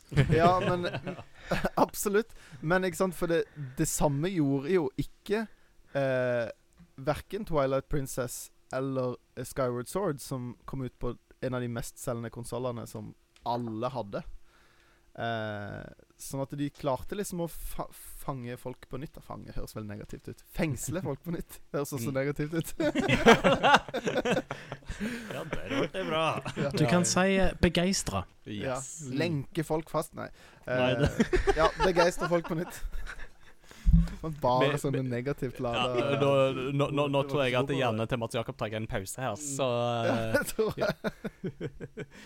Så på, på, på den, to, på den uh, tonen uh, Ja, Kan jeg bare komme Jeg tenker, eh, Inge Andreas, eh, har du, kan du komme med en sånn topp tre spill for oss eh, noobs, om det er lov til å bruke, eh, som ikke har spilt Selda før?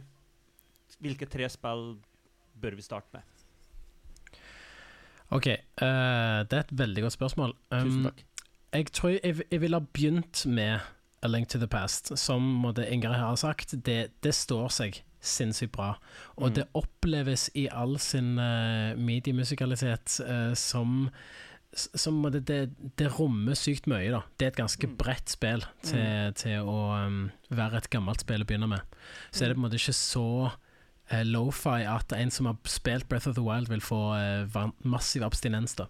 Mm. Begynne der. Uh, fortsette med Jeg hater meg sjøl for å si det, men um, rett på Majora's Mask. Jo, okay. um, ja, nei, nei, jeg, jeg klarer ikke å si det. Jeg må si Ocarina of Time. så, så er det rett, rett på Ocarina of Time.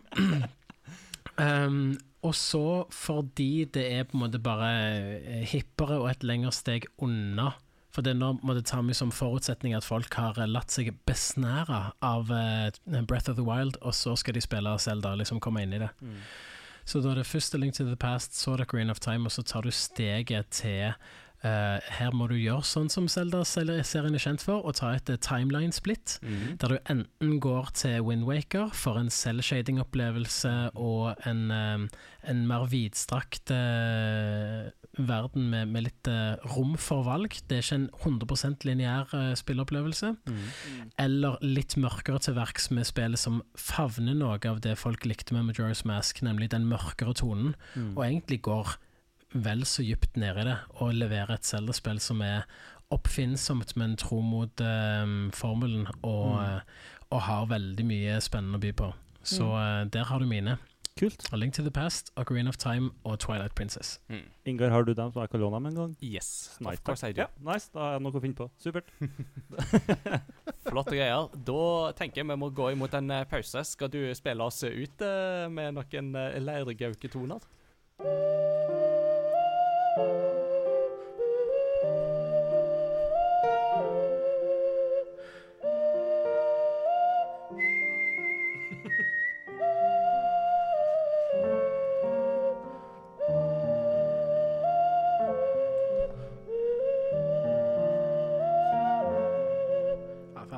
Nydelig. Nice. Vi er straks tilbake.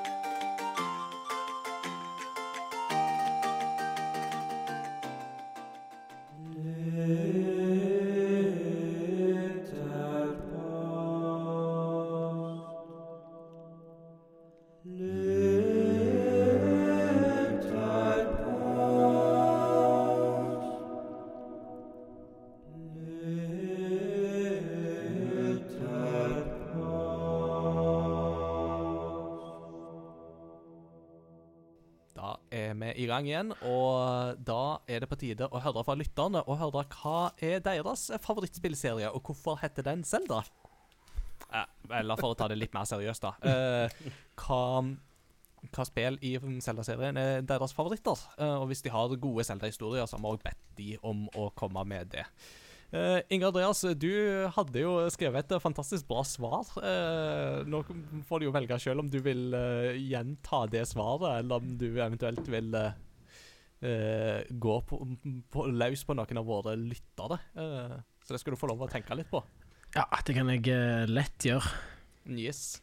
Um, jeg tenker at jeg kan jo bare innlede kalaset med trofaste, gode, gamle Åsmunds hjørne.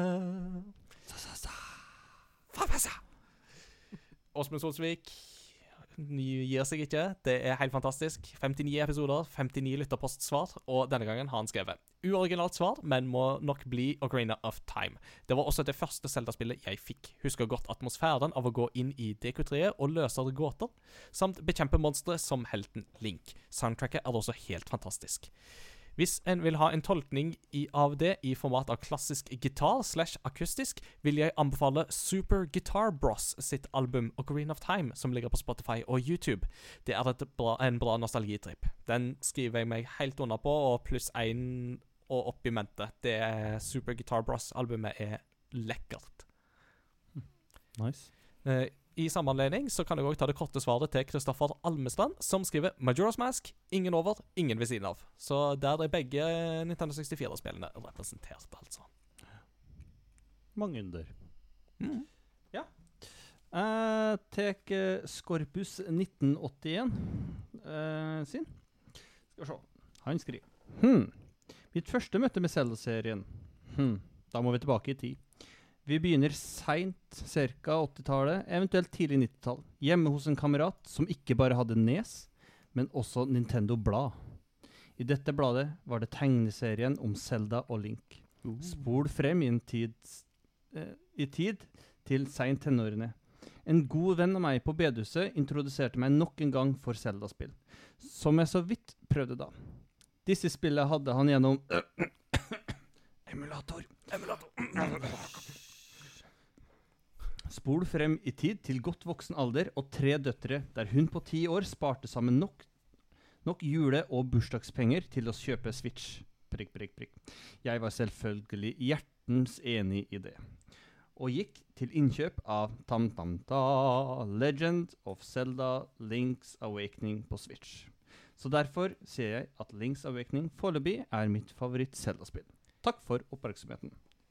NB må også nevne at jeg vurderte Twilight Princess og Skyward Sword til Nice. vi back in the days. Nice. Mm. Det, den historien der om hun som sparer penger Mm. for kjøpt Switch, og uh, Zelda på kjøpet, det, det er liksom den historien vi hørte om 20 år, når vi skal snakke liksom om Mm. 55-årsjubileet. Det, det er godt Ja. å høre når dattera på ti år sparer til Nintendo, og så ender det med et Zelda-spill. Da Det er da det får bety noe ekstra, vet du. Mhm. Nice. Mats Jakob? Mm. Jeg har plukka ut eh, svaret til eh, Jon Edvard Genius. Han har skrevet Mm. Fascinerende nok er Selda en serie jeg all, alltid hatt lyst til å like, men sjelden faktisk har falt i smak. Jeg har prøvd Ocarina of Time, Wind Waker, Selda 1 og Link to the Past. Alle er kjempegode spill, men de har aldri truffet meg. Unntaket er Breath of the Wild, som jeg først fikk prøve på en preview-event hos Bergsala en måned før Switchen kom ut. Det, sp uh, det spillets kombinasjon av verdensdesign, sjarm, historiefortelling og uttrykk gjorde at det rett og slett ble et av mine favorittspill, og definitivt det beste spillet jeg noen gang har spilt. Nydelig. Og så må jeg nesten ta en eh, Kan jeg ta en på tampen? En annen veldig kort en? Og David Pletten eh, Aasgaard, er det noen som har skrevet at de skulle ta den? Nei? Nei, det var bra. Han har skrevet 'Selda er overrated'. Prikk, prikk, prikk. Snork. det, er litt, det er litt godt med litt sånn mot, uh, Med litt motreaksjoner her òg, for det, det er jo uh, Altså, det er viktig. Ja Mm. Det er rett og slett Det er jo viktig. det. Det er jo det. Og ja. Det må bli lest, det òg. Absolutt. Og vi leser jo Mm. alt. Det, selv om vi ikke leser det høyt, så leser vi jo alt. Det Mm. skal dere vite. Og responsen denne gangen har jo vært enorm. Så Og det er mye bra. Ja, det har tikka inn, så det er Mm. veldig kjekt. Uh, hadde du noen du ville ta fram, uh, Inge? Ja, altså fra, fra Facebook så eh, har jo Torstein Røsak skrevet noe veldig fint som jeg syns er i, eh, i kontekst av det vi har snakket om sjøl. altså det vi har snakket om, så tror jeg det, det er en fin mening å få inn. Han skriver Har en følelse det kommer til å være en storm av Breath of the Wild-svar her. Men jeg har ikke alltid Jeg har ikke vært like begeistret for Breath of the Wild som alle andre. Prikk, prikk, prikk. Jeg elsker alt av mekanikkene, hvor stort det er, og hvor fritt alt er, men jeg følte alltid at det var litt tomt, spesielt i forhold til story og atmosfære. For meg står det mellom Majora's Mask og Wind Waker. Begge de to treffer mer det jeg er ute etter i et Zelda-spill.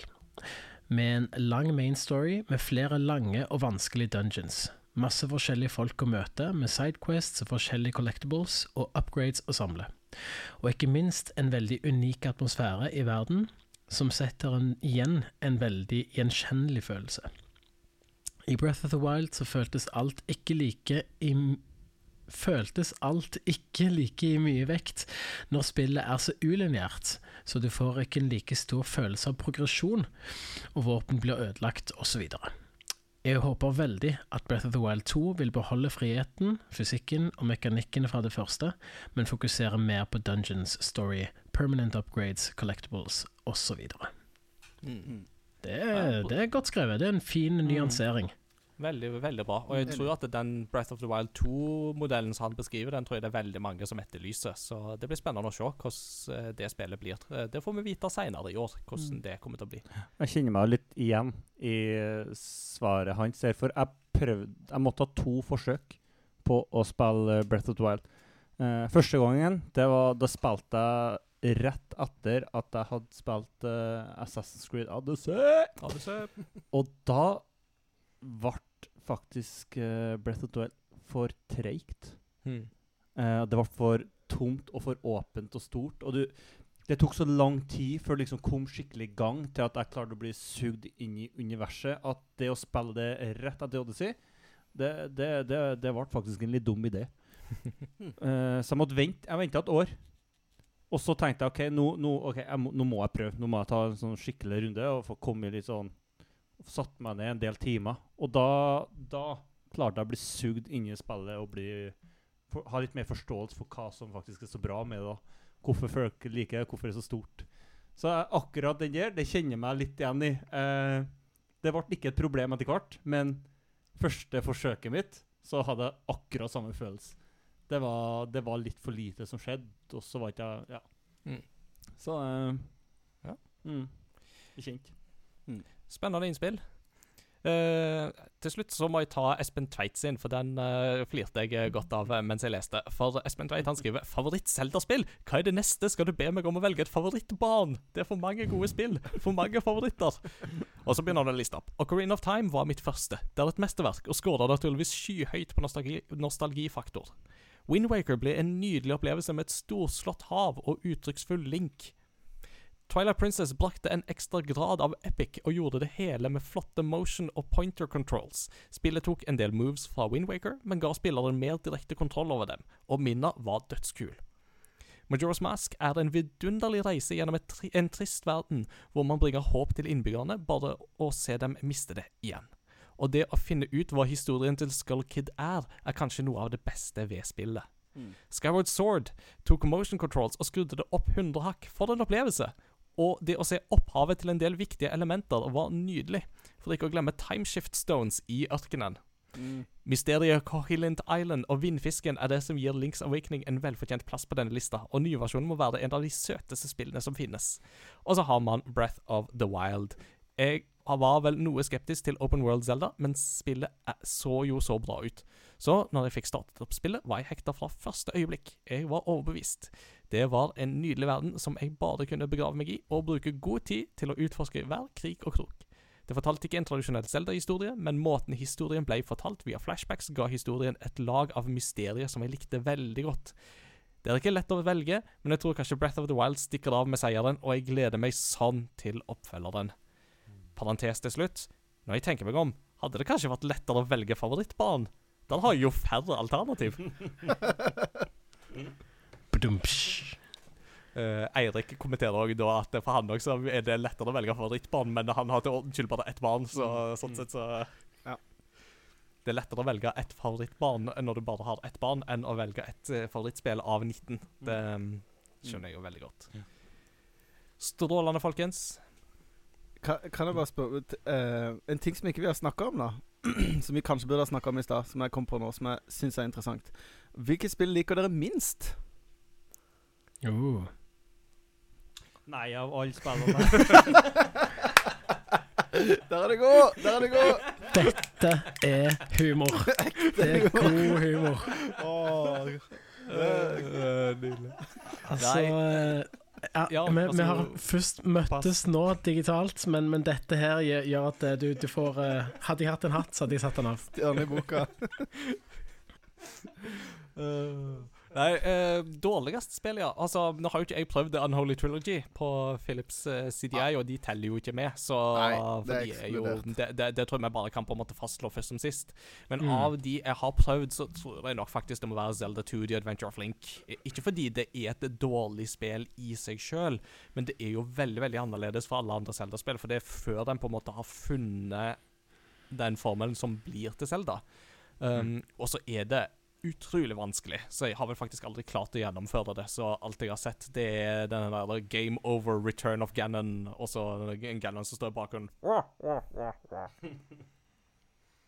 Så Zelda 2 blir det for meg. Mm. Um, jeg skal faktisk eh, melde et spill jeg ikke har spilt. Uh, så det, det blir faktisk um, uh, Hyrule Warriors, det første. Mm. Um, og igjen, da. Det er jo egentlig ikke et Zelda-spill, men det er jo en sånn der uh, spin-off-sak uh, blanda med Hva er det det heter? Er det Dynasty Warriors? Mm, Ja. Riktig. Um, og og, og det, det drøye er jo at jeg kjøpte det spillet der i en sånn der uh, nok en gang uh, limited edition-boks der du fikk med liksom kompasset til Link, og det var liksom styr og stas til, til DS. Så bestilte jeg det til en kompis i England, Og jeg mistenker at til den dag i dag så har lillebroren hans stjålet det og måtte bare sagt at nei, men den pakken kom aldri fram. For det er avtalen mellom meg og min kompis, altså storebroren til denne her eh, nemesisen min. um, eh, han, han skulle liksom sende det videre, fordi Nintendo ville bare sende det til UK. Mm. Um, men så fikk jeg vite fra en eh, ganske um, En, en eh, s- Zelda-begeistra kompis jeg har ganske tro på smaken til, at eh, det er nesten litt sånn harry opplevelse når man har uh, rocke fuzz-gitar-coveret av de kjente Zelda-melodiene mens han dryler seg gjennom x antall fiender, og det føles ikke ut som noe som ligner på Zelda. På samme måte som um, Hyrule Warriors, som jeg faktisk har brukt en del timer med, og jeg syns det, det, det funker for meg. Mm. Så jeg sier um, High Hva heter ja, det? Age ja, altså det første Hyrule Warriors. Det, første, ja, det heter Hyrule Warriors, det òg. Det bare heter Mm. ikke Age of Calamity. Greit. Mm. Jeg sier Hyrule Warriors 1. Det klarer ikke å være et Zelda-spill nok. Og uh, Fuzzgitar er kult, men kanskje ikke i kombinasjon med de melodiene der. Mm. Mats Jakob, du stilte spørsmålet. Hva er ditt svar? Ja, altså uh, Litt todelt, da. Jeg kan stille meg litt bak uh, Zelda 2, The Adventure of Link.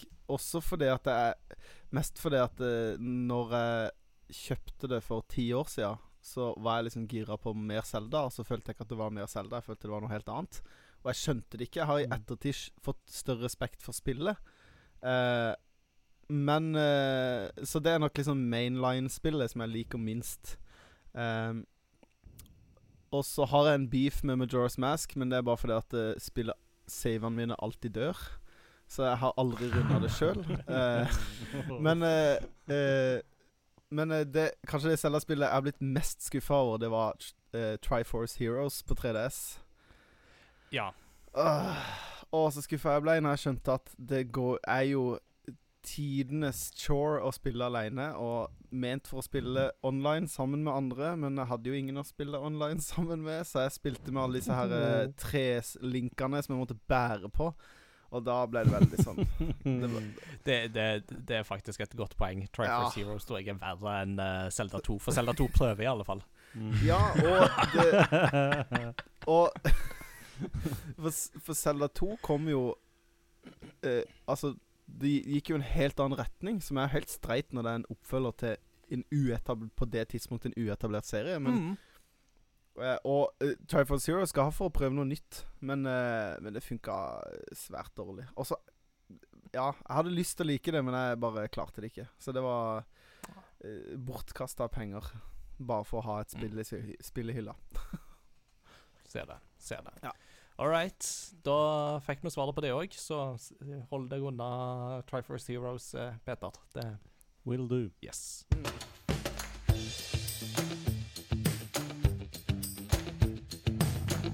What you been playing lately? What you been playing lately?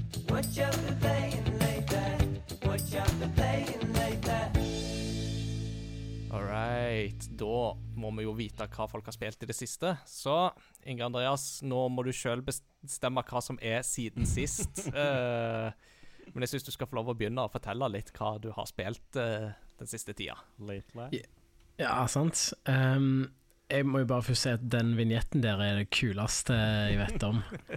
What you been playing lately? All right. Så det, det er kick, men eh, jeg skal jo da um, gå heldig, heldigvis for meg sjøl, for å liksom ikke bli stempla som en kultist. Så kan jeg si at jeg har spilt eh, et par spill som ikke er Zelda. Mhm. Um, der det faktisk er uh, jump rope, rett og slett fordi jeg eh, har blitt Ja! inspirert etter vi hadde bestefaren til min fru på besøk. Og han eh, tok ledelsen med å hoppe 200 hopp. Så har jeg begynt å eh, hoppe litt sjøl hjemme. Eh, utrolig ja, smalt spill, men ganske stas. Eh, og så har jeg spilt uh, Fallout Shelter, der man uh, får en enda større innesperringsopplevelse enn covid ved å ha Mhm. masse folk i en Sims-lignende setting som skal overleve postapokalyptisk grotteliv, og strømmen går, alle er gravide, og ingen har mat. Um, og jeg har ikke Altså, jeg har ikke vært innom der på to uker nå, så nå tror jeg at alle ligger og skriker etter mat, og uh, ungene er utsulta. Men uh, det går helt greit, for det tredje spillet jeg har spilt, er um, Hyrule Warriors Age of Calamity. Ja. Uh, og jeg, jeg syns faktisk at det, det funker.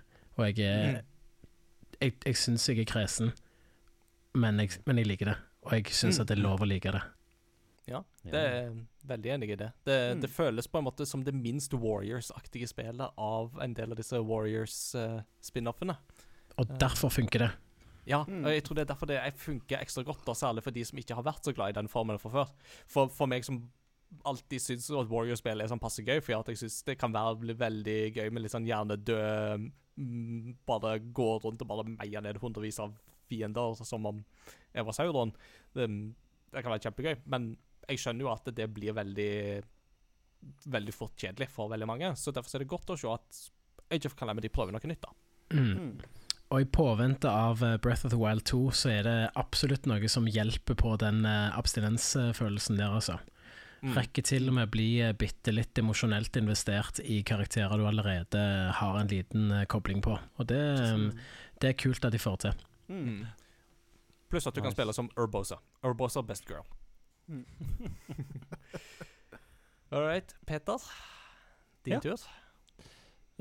Da eh, Det har jo gått mye av det samme. Warzone, Overwatch, Cyberpunk og Assassin's Creed. Eh, det har gått mye av de siste ukene. Og så har det, det varierer litt sånn hva vi spiller på arbeid som ukaspill. Så mm. nå de siste par ukene så har det vært Age of Vampires 2.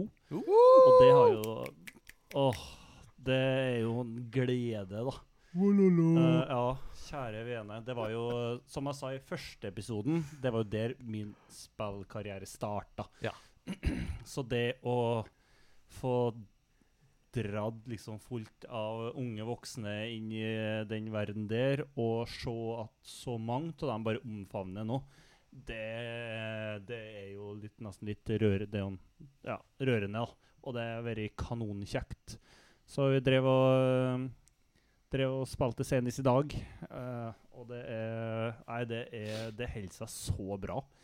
Det er like artig i Mm. dag som uh, når jeg var liten, altså. Mm. Og så har jeg fått uh, spilt litt Rocket League.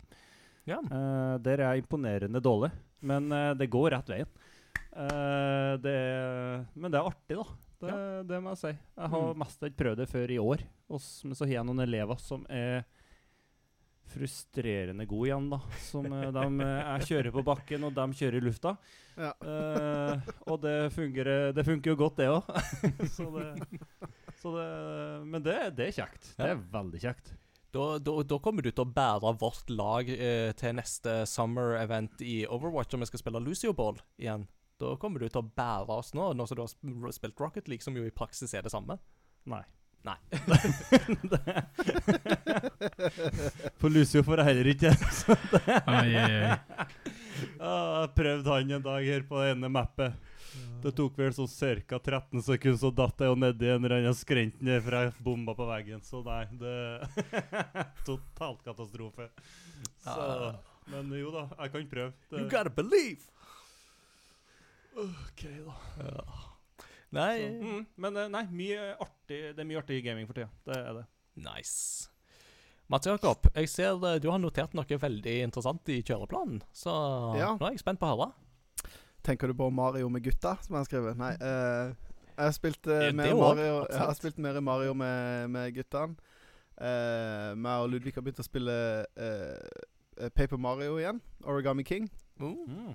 Oh. Det er uh, like gøy eh, og like frustrerende, for det, han kan jo ikke engelsk, og han skjønner ikke kampsystemet. Så det Han dør jo hele tida, og så blir han sur, og så kommer han og sier 'Babba, du må gjøre det'. Hva sier de? Hva sier de? Eh, så jeg bare prøver å være litt sånn Jeg skulle ønske noen gjorde det med meg når jeg var barn, så da må jeg bare prøve å liksom være Mm. tålmodig og Men eh, det, det er litt tyngre å spille det sammen med en femåring enn det er å spille eh, 3D World, da. Eh, Hashtag men- spillpappa. Ja, hashtag spillpappa. Men Mhm. eh, det spillet jeg har spilt mest titel, i det siste, og jeg har ikke spilt mye i det siste Det har vært veldig eh, Det har ikke vært mye overskudd på kveldene. Men eh, jeg har testa Phoenix Rising. Er det ikke det det heter? Ja. Jo. Immortals her er- Phoenix Rising. Immortals Phoenix Rising er det selvfølgelig det heter. Det her er Ubisoft sin eh, Breath of the Wild-klone, sånn på papiret iallfall. Uh, Mhm. Og eh, ikke gå inn i det spillet med den innstillinga om at det er en Breath of the Wild-klone, for det er det ikke i, på noen annen måte enn kunststilen, da. Eh, det er Hvordan skal jeg beskrive det, da? Det er liksom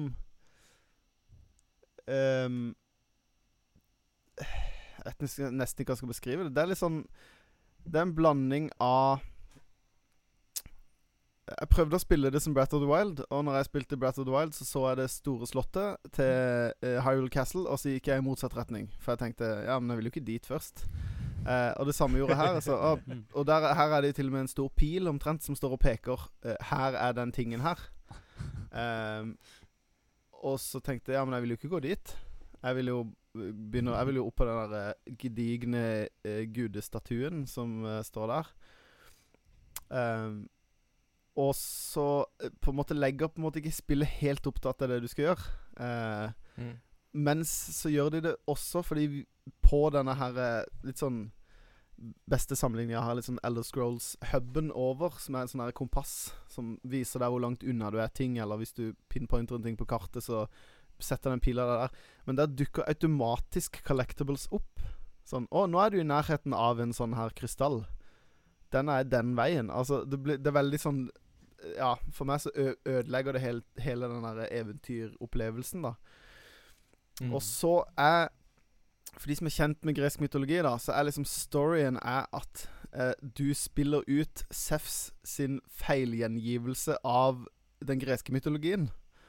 Eh, hvor liksom eh, Fortelleren er Sevs, som står og forteller historien til Jeg vet ikke hva det norske navnet er, men på engelsk heter han Prometheus. Som er liksom fortellerguden, eller eh, historieguden i gresk mytologi. Uh, Mm. Hvor Sef sier 'ja, og så skjedde det', og Prometheus sier 'nei, det var jo ikke det som skjedde', og 'hun har jo ikke de evnene, hun kan jo ikke fryse folk til is'.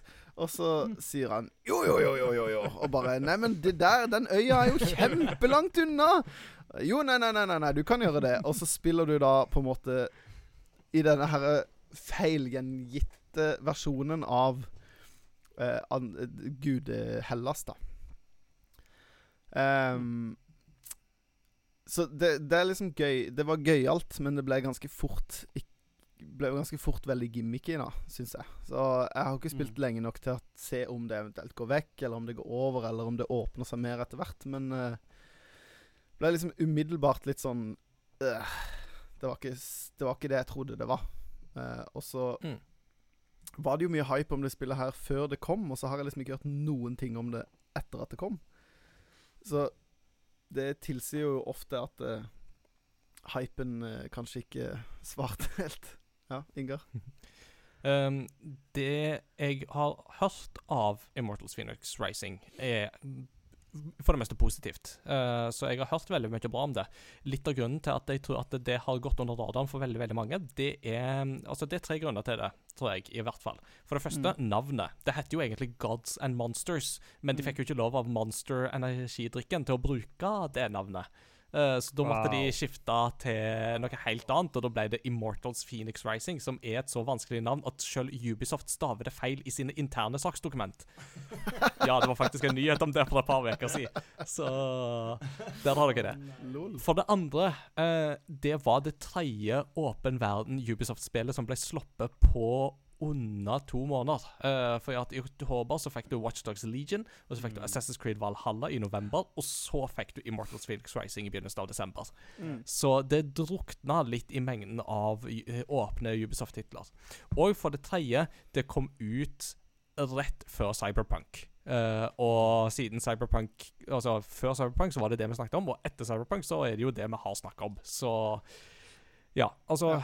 Immortals Phoenix Rising eh, har nok vært et veldig bra spill for de som har spilt det. Eh, og jeg Mm. har jo det sjøl på PlayStation 5 og gleder meg til å teste det. Eh, men det er litt sånn det, det har falt litt mellom to stoler for veldig mange. Særlig på slutten av et spillår så blir det jo òg veldig travelt, og man skal prøve å få Ja. med seg mest mulig før Game of the Year-kåringer. Så Mm. Og jeg, jeg syns, for meg, da, så personlig, så syns jeg også spillet faller litt mellom to stoler. For dette det er Jeg, jeg syns ikke de klarer å reindyrke noe, da. Det er liksom litt av alt. Og så syns jeg kampsystemet var litt kjedelig. Eller sånn Det er, det er et helt vanlig slå og dodge-kampsystem, og så syns jeg vanlige fiender tåler litt for mye, og så Nei.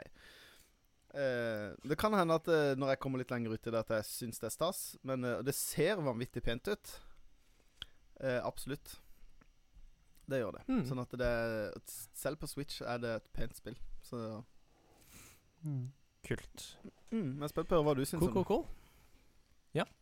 Det blir nok en liten stund til jeg får spilt det sjøl, men uh, vi får se. Det, jeg håper på å få det, komme meg gjennom det før uh, utgangen av året, i hvert fall. Men uh, forhåpentligvis før sommerferien òg, altså. Så noen må jo spille på PlayStation 5 snart, så.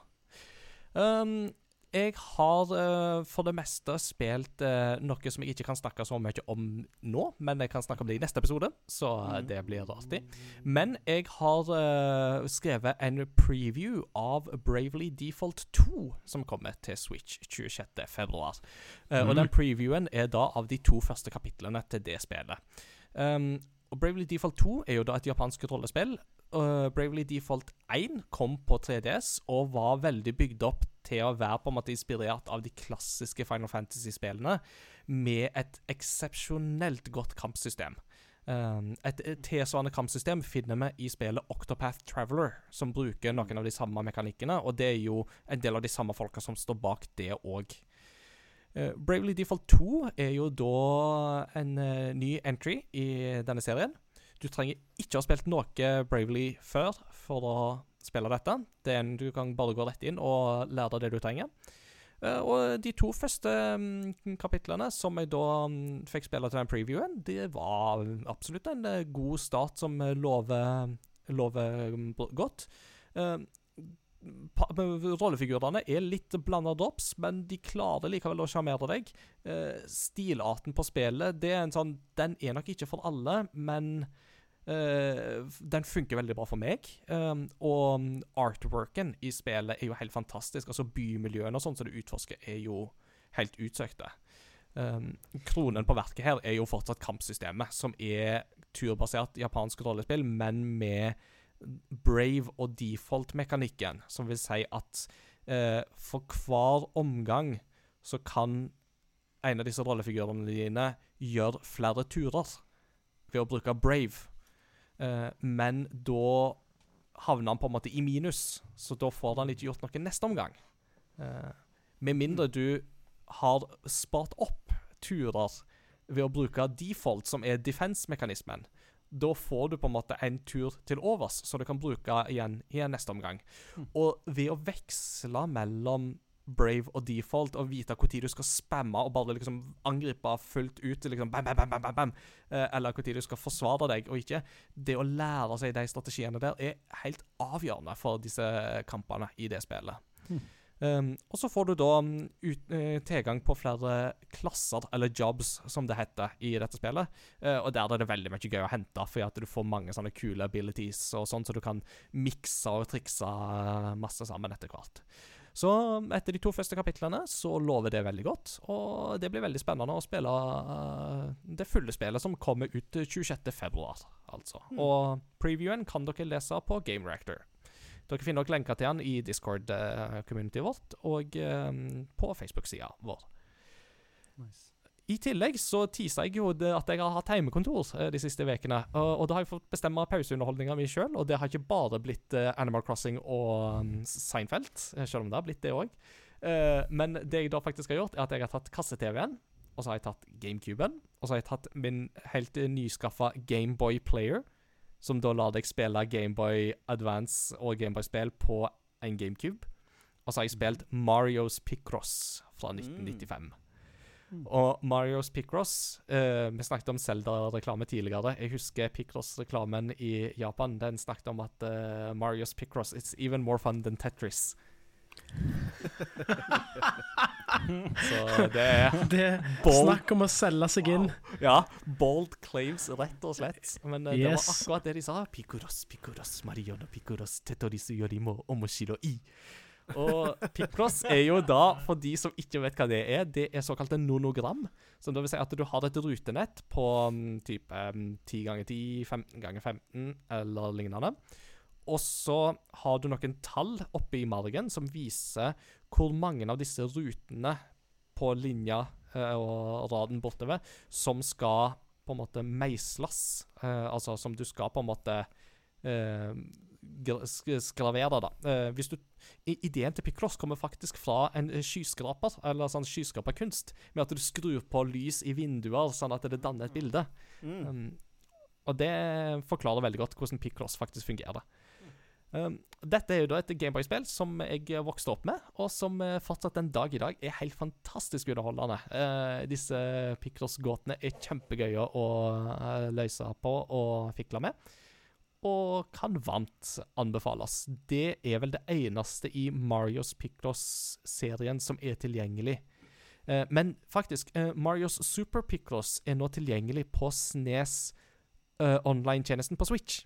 Så det Mm. går an å teste. Og det er kun på japansk, men du trenger ikke å kunne lese japansk for å spille dette spillet. Det er veldig intuitivt. Blir så fascinert. liksom bare, Å, vi må finne på nytt navn. Jeg vet, ikke, hva skal, å, vi legger på Super. Yeah! så, så good to go. Yeah.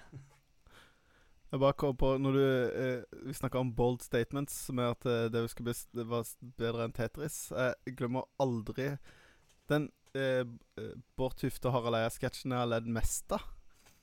Eh, kanskje ikke den eh, av de fleste lo mest av, men eh, det her syns jeg var ekstremt gøy. var når de, de tøysa veldig mye med Jon G. Banander.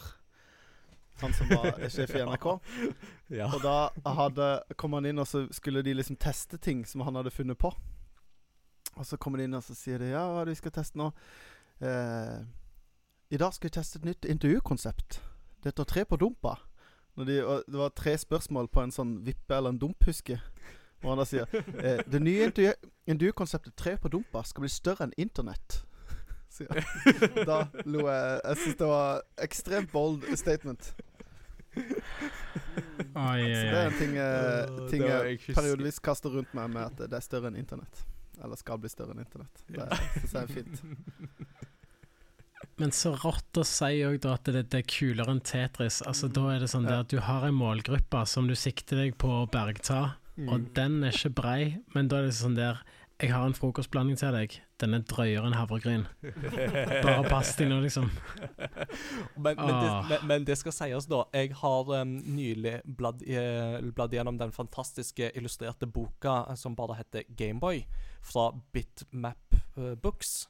Som lager sånne illustrerte utgaver av spillcovere og sånt. Eh, de har laga en til Super Nintendo, eh, eller til Super Famicom, og så har de òg nå laga en til Gameboy der du har bilde til eh, på coveret på de forskjellige Gameboyene, og så er det en tekst om de forskjellige. Og Gameboy var jo puzzle-plattformen nummer én, eh, Mm. takket være Tetris. Og det er veldig mange puzzlespill på, eh, på, på Gameboy, og ikke alle er like gode, for å si det sånn. Og Mm. der må jeg faktisk si at Picross er et av de konseptene som faktisk klarer å underholde på en god måte, og som har holdt seg overraskende godt den dag i dag. Mm. Så um, det er kanskje en bold statement å si at det er It's even more fun than Tetris, but it's not too far from the truth, actually. Kult.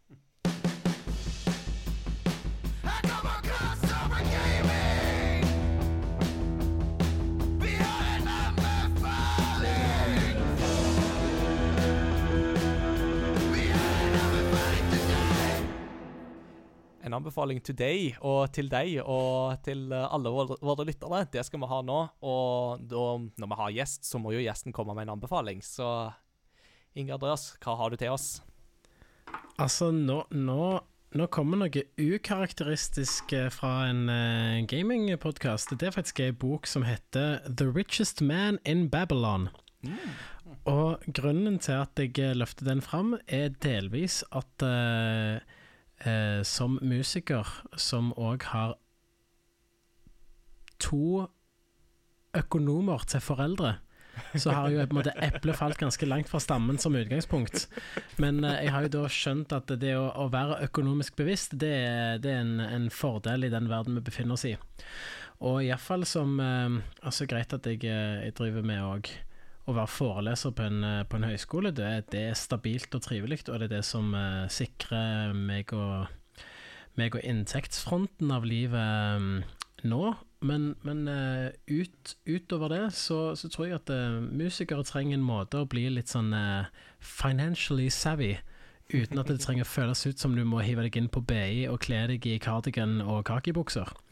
Så da, da er den smale lille boka 'The Richest Man in Babylon' av George Clayson Den er en slags sånn der um, dialog mellom en uh, klok mann i, uh, i byen Babylon og en eh, aspirerende uh, leiretavleuthogger som, eh, som ønsker å bli liksom smart på hvordan han eh, kan bygge seg litt. Og det som da er innholdet der, er um, relativt universelle og tidløse prinsipper for hvordan å bare bli litt smartere omkring det å ehm, ha et sparsommelig økonomisk eh, forbruk, og vite hvordan man skal forvalte det man da sitter igjen med etterpå.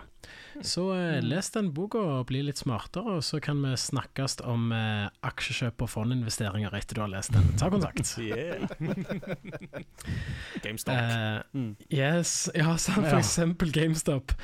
Eh, og så hadde jeg en useriøs uh, anbefaling òg, um, fordi jeg skjønte at jeg kunne ikke være han fyren som kom inn på, på bare kun på pengene. Og da er det å søke opp en helt magisk artist på din uh, strømmetjeneste som er nærmest deg, og søke opp Klaus Wunderlich. Klaus, sånn som vi skriver det på norsk, og Wunderlich, som da er liksom altså vidunderlig, da. Mm. Eh, W-U-N-D-R N-D-E-R-L-I-C-H. Det er på en måte 70-tallets Kygo. Han satt og spilte på sitt eh, transistor-Hammond-orgel med rytmeboks. Det som var popmusikk på det tidspunktet. Så du har alt fra Tico Tico til Strangers in the Night, Moon River, Girl from Ipanema. Så klart man kan ikke si under den. Og, og når jeg setter på Klaus Wunderlich i eh, mer eller mindre festlig lag, så er det utelukkende positiv og nysgjerrig respons jeg får, fordi det er så dritta jovialt. Fun fact i at Klaus Wunderlich er tidløs og eh, har brei appell, er jo denne her eh, suksesshistorien som var Oles rytmeboks-musikkalender, julekalender Mhm. eh, inn mot jul. Så hvis de, de som hører på nå kjenner Å ja, men Ole han var jo konge å høre på, det var, det var et kick. Hvis du bare spoler litt tilbake på låtutvalget, så har du på en måte forgjengeren til Ole. Eh, du kan kalle han eh, profeten før, eh, før Messias. Før, før Ole var, er Klaus. Søk opp Klaus Wunderlich, gjør deg sjøl den tjenesten, og finn helt episke låter. Han har massevis av album ute. Rest in Mm. peace, Klaus. Jeg er fan. Nice. Da vet jeg hva jeg skal høre på mens jeg skal ut og slåss mot uh, Oslos eh, snøbelagte motbakker. Så lenge du ikke hører på det mens du spiller Breath of the Wild, så er det greit. ja, ja, mm. Der kan bare alle være enige. Skal, jeg skal alle gjøre igjen. Nei, nei, nei. Der kan vi alle være enige. Så det var altså The Richest Man uh, in Babylon av uh, George Clayson og eh, da Klaus Wunderlich. For dette er en hebreke pachinko-kontroller til Super Nintendo. It's curiosity. What are you gonna show to me? It's curiosity. What a neat thing to know. It's curiosity. What are you gonna show to me? I haven't even heard of it. What a neat thing to know. It's a great the show. Vi begynner å nærme oss en avslutning, men vi kan ikke ta og avslutte episoden før vi har hatt et par kuriositeter. Og siden det er en Zelda-episode, så har jeg funnet hele tre Zelda-kuriositeter som jeg ikke tror vi har nevnt før i denne episoden. Eller i, det, eller i serien av podkaster vi har laga, for den saks skyld.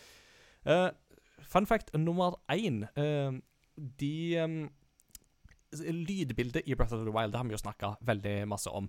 Det er egentlig ganske detaljert. Så detaljert, faktisk, at hvis en bokkoblin, altså disse her gnome-orkene Hvis en av de tar og piller seg i nesa, så er det en lydeffekt for det.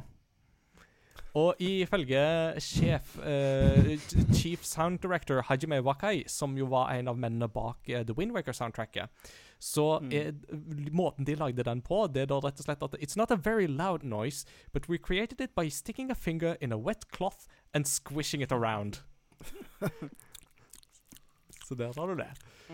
Digg. Den andre lyden eh, som vi da skal innom, eh, for dette er jo faktisk en lydkuriositet, er da lyden av disse her choo-choos i eh, Wind Waker. Disse her gelé-skapningene. Eh, det høres jo ut som bare me helt meningsløs lyd, men det er visstnok lyden av to japanske menn som krangler seg imellom, spilt baklengs veldig fort. og hvis man da reverserer dette her og sakker dette, så kan man da plukke opp liksom deler av denne krangelen, der visstnok den ene sier til den andre uh, At least I'm not balding. Uh, I det minste så ikke jeg er i ferd med å bli skalla. Ah, nydelig. Så ja. Alt mulig du kan finne. Og så en artig kuriositet som er litt mer ute i det åpne. Da skal vi til Final Fantasy. Det første Final Fantasy. Eh, det kom jo i 1987, eh, året etter um, det første Zelda. Og i byen Elfheim i Final Fantasy så kan du finne ei gravstøtte eh, der det står 'Here lies Link'. Wow.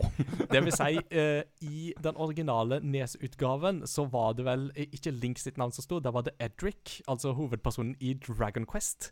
Eh, Mm. Men i alle senere versjoner av dette spillet så har det da blitt endret til Here Lies Link. Så Mm. Link ligger da begrav, død og begrava i Final Fantasy. Skal man ta det som en sånn eh, krigserklæring mellom spillserien, Mm. eller hva skal man ta det som? Det er nesten sånn at man må ta det sånn, altså. For det er eh, strong claims. Og det er jo Square, Square på den tida. De yppa da altså ikke bare med Nintendo, men de yppa òg mot eh, Enix og Dragon Quest. Så ja da, de var glad i å krangle. All right. Da er vi kommet til veis ende. Og da er det postludium. Og Inge Andreas, dette kan ikke ha vært enkelt å velge postludium blant det havet av god Zelda-musikk som finnes der ute. Nei, altså eh, Det er sykt problematisk, og som det har kommet fram når vi har sittet og snakka her, så er jo musikken til Selda så um, uatskillelig tett knytta opp mot historien, um, og historiene. Så, så det å velge ett eh, stykke var vrient, men um, faktisk så kommer da mitt eh, valgte postludiverk fra spillet jeg har snakka nesten minst om i dag, og det er Majora's Mask, med Song of Healing, um, som da bare går igjen og igjen um, i ulike former gjennom spillet, og prøver da, iallfall sånn som jeg eh, hører det, prøver å tilføre et lite gram av trøst til alle de håpløse karakterene du treffer på. Mm. Um, det å se mot slutten av hele epilogen at eh, en eh, sentral eh, karakter du har eh, fått et forhold til, uh, på en måte møter sin uh, sin eh, høyden på karakterutviklinga si eh, mot slutten, det det er sterkt i, i møte med den melodien, da. Mm. Så eh, den eh, spesifikt spilt på, på piano, Ja. den, eh, den funker veldig bra for meg. Det er veldig fascinerende når du da lærer deg det i uh, Majora's Mask, for uh, det er jo han Happy Mask Salesman som eh, befinner seg inne i klokketårnet, så lærer det til deg, og plutselig når han skal lære det til deg, så står det det gigantiske orgelet bak han, og bare sånn, ja, sånn går denne melodien, og så bare... Du har ikke sett antydninger til at det finnes et instrument i det rommet tidligere, og plutselig så står det et helt orgel. Som da er veldig konsekvent med Zelda-serien for øvrig. Du går jo rundt med lass på utstyr, og så ser det ut som bare går i en tunika. Ferdig. Ja, det er helt sant. Og Iron Boots de er ikke så tunge når du har de i ryggsekken, men tar du de på deg på føttene, så synker du som en stein. Så Da blir de kjempetunge. yes. Du, uh, Inger Andreas, det har vært helt fantastisk å ha deg med på mm. episoden. Det har vært eh, en, uh, rikt, eh, et rikt bidrag uh, til Ja, en fantastisk god prat om Selda, som vi har hatt nå. Og vi kunne jo ha pratet om dette det i videre breie. Vi kunne jo ha laga en egen eh, podkastserie om bare Zelda-spill. eh, og tatt, oh, for oss, tatt for oss ett og ett Zelda-spill, eh, inkludert eh, Unholy Trilogy. Helst ikke den. Nei, helst ikke. Folk får sjekke det ut hvis de heller eh, vil det. Hvis de vil seg sjøl vondt. Ja, ikke Mm. sant. Peter, jeg håper du har eh, lært litt, og at det har blitt litt eh, ting til inspirasjon. Mm. Absolutt. Jeg har kost meg veldig. Det, det har vært en fin og lærerik kveld. og syns det er rått at du er så frimodig at du bare ba deg sjøl. Eh, det berika jo episoden mye, spør du meg. Så det, det var konge. Så nei, jeg har hatt en eh, ypperlig kveld, Det det må jeg si. det er bra. Godt å høre. Mm. Ja, da eh, er det ikke så mye mer eh, som gjenstår for oss enn å takke for følget. Må dere ha et rikt Zeldas år, hele 2021. Og vi snakkes ved neste korsvei. Ha det! Ha det bra. Ha det bra. Ha.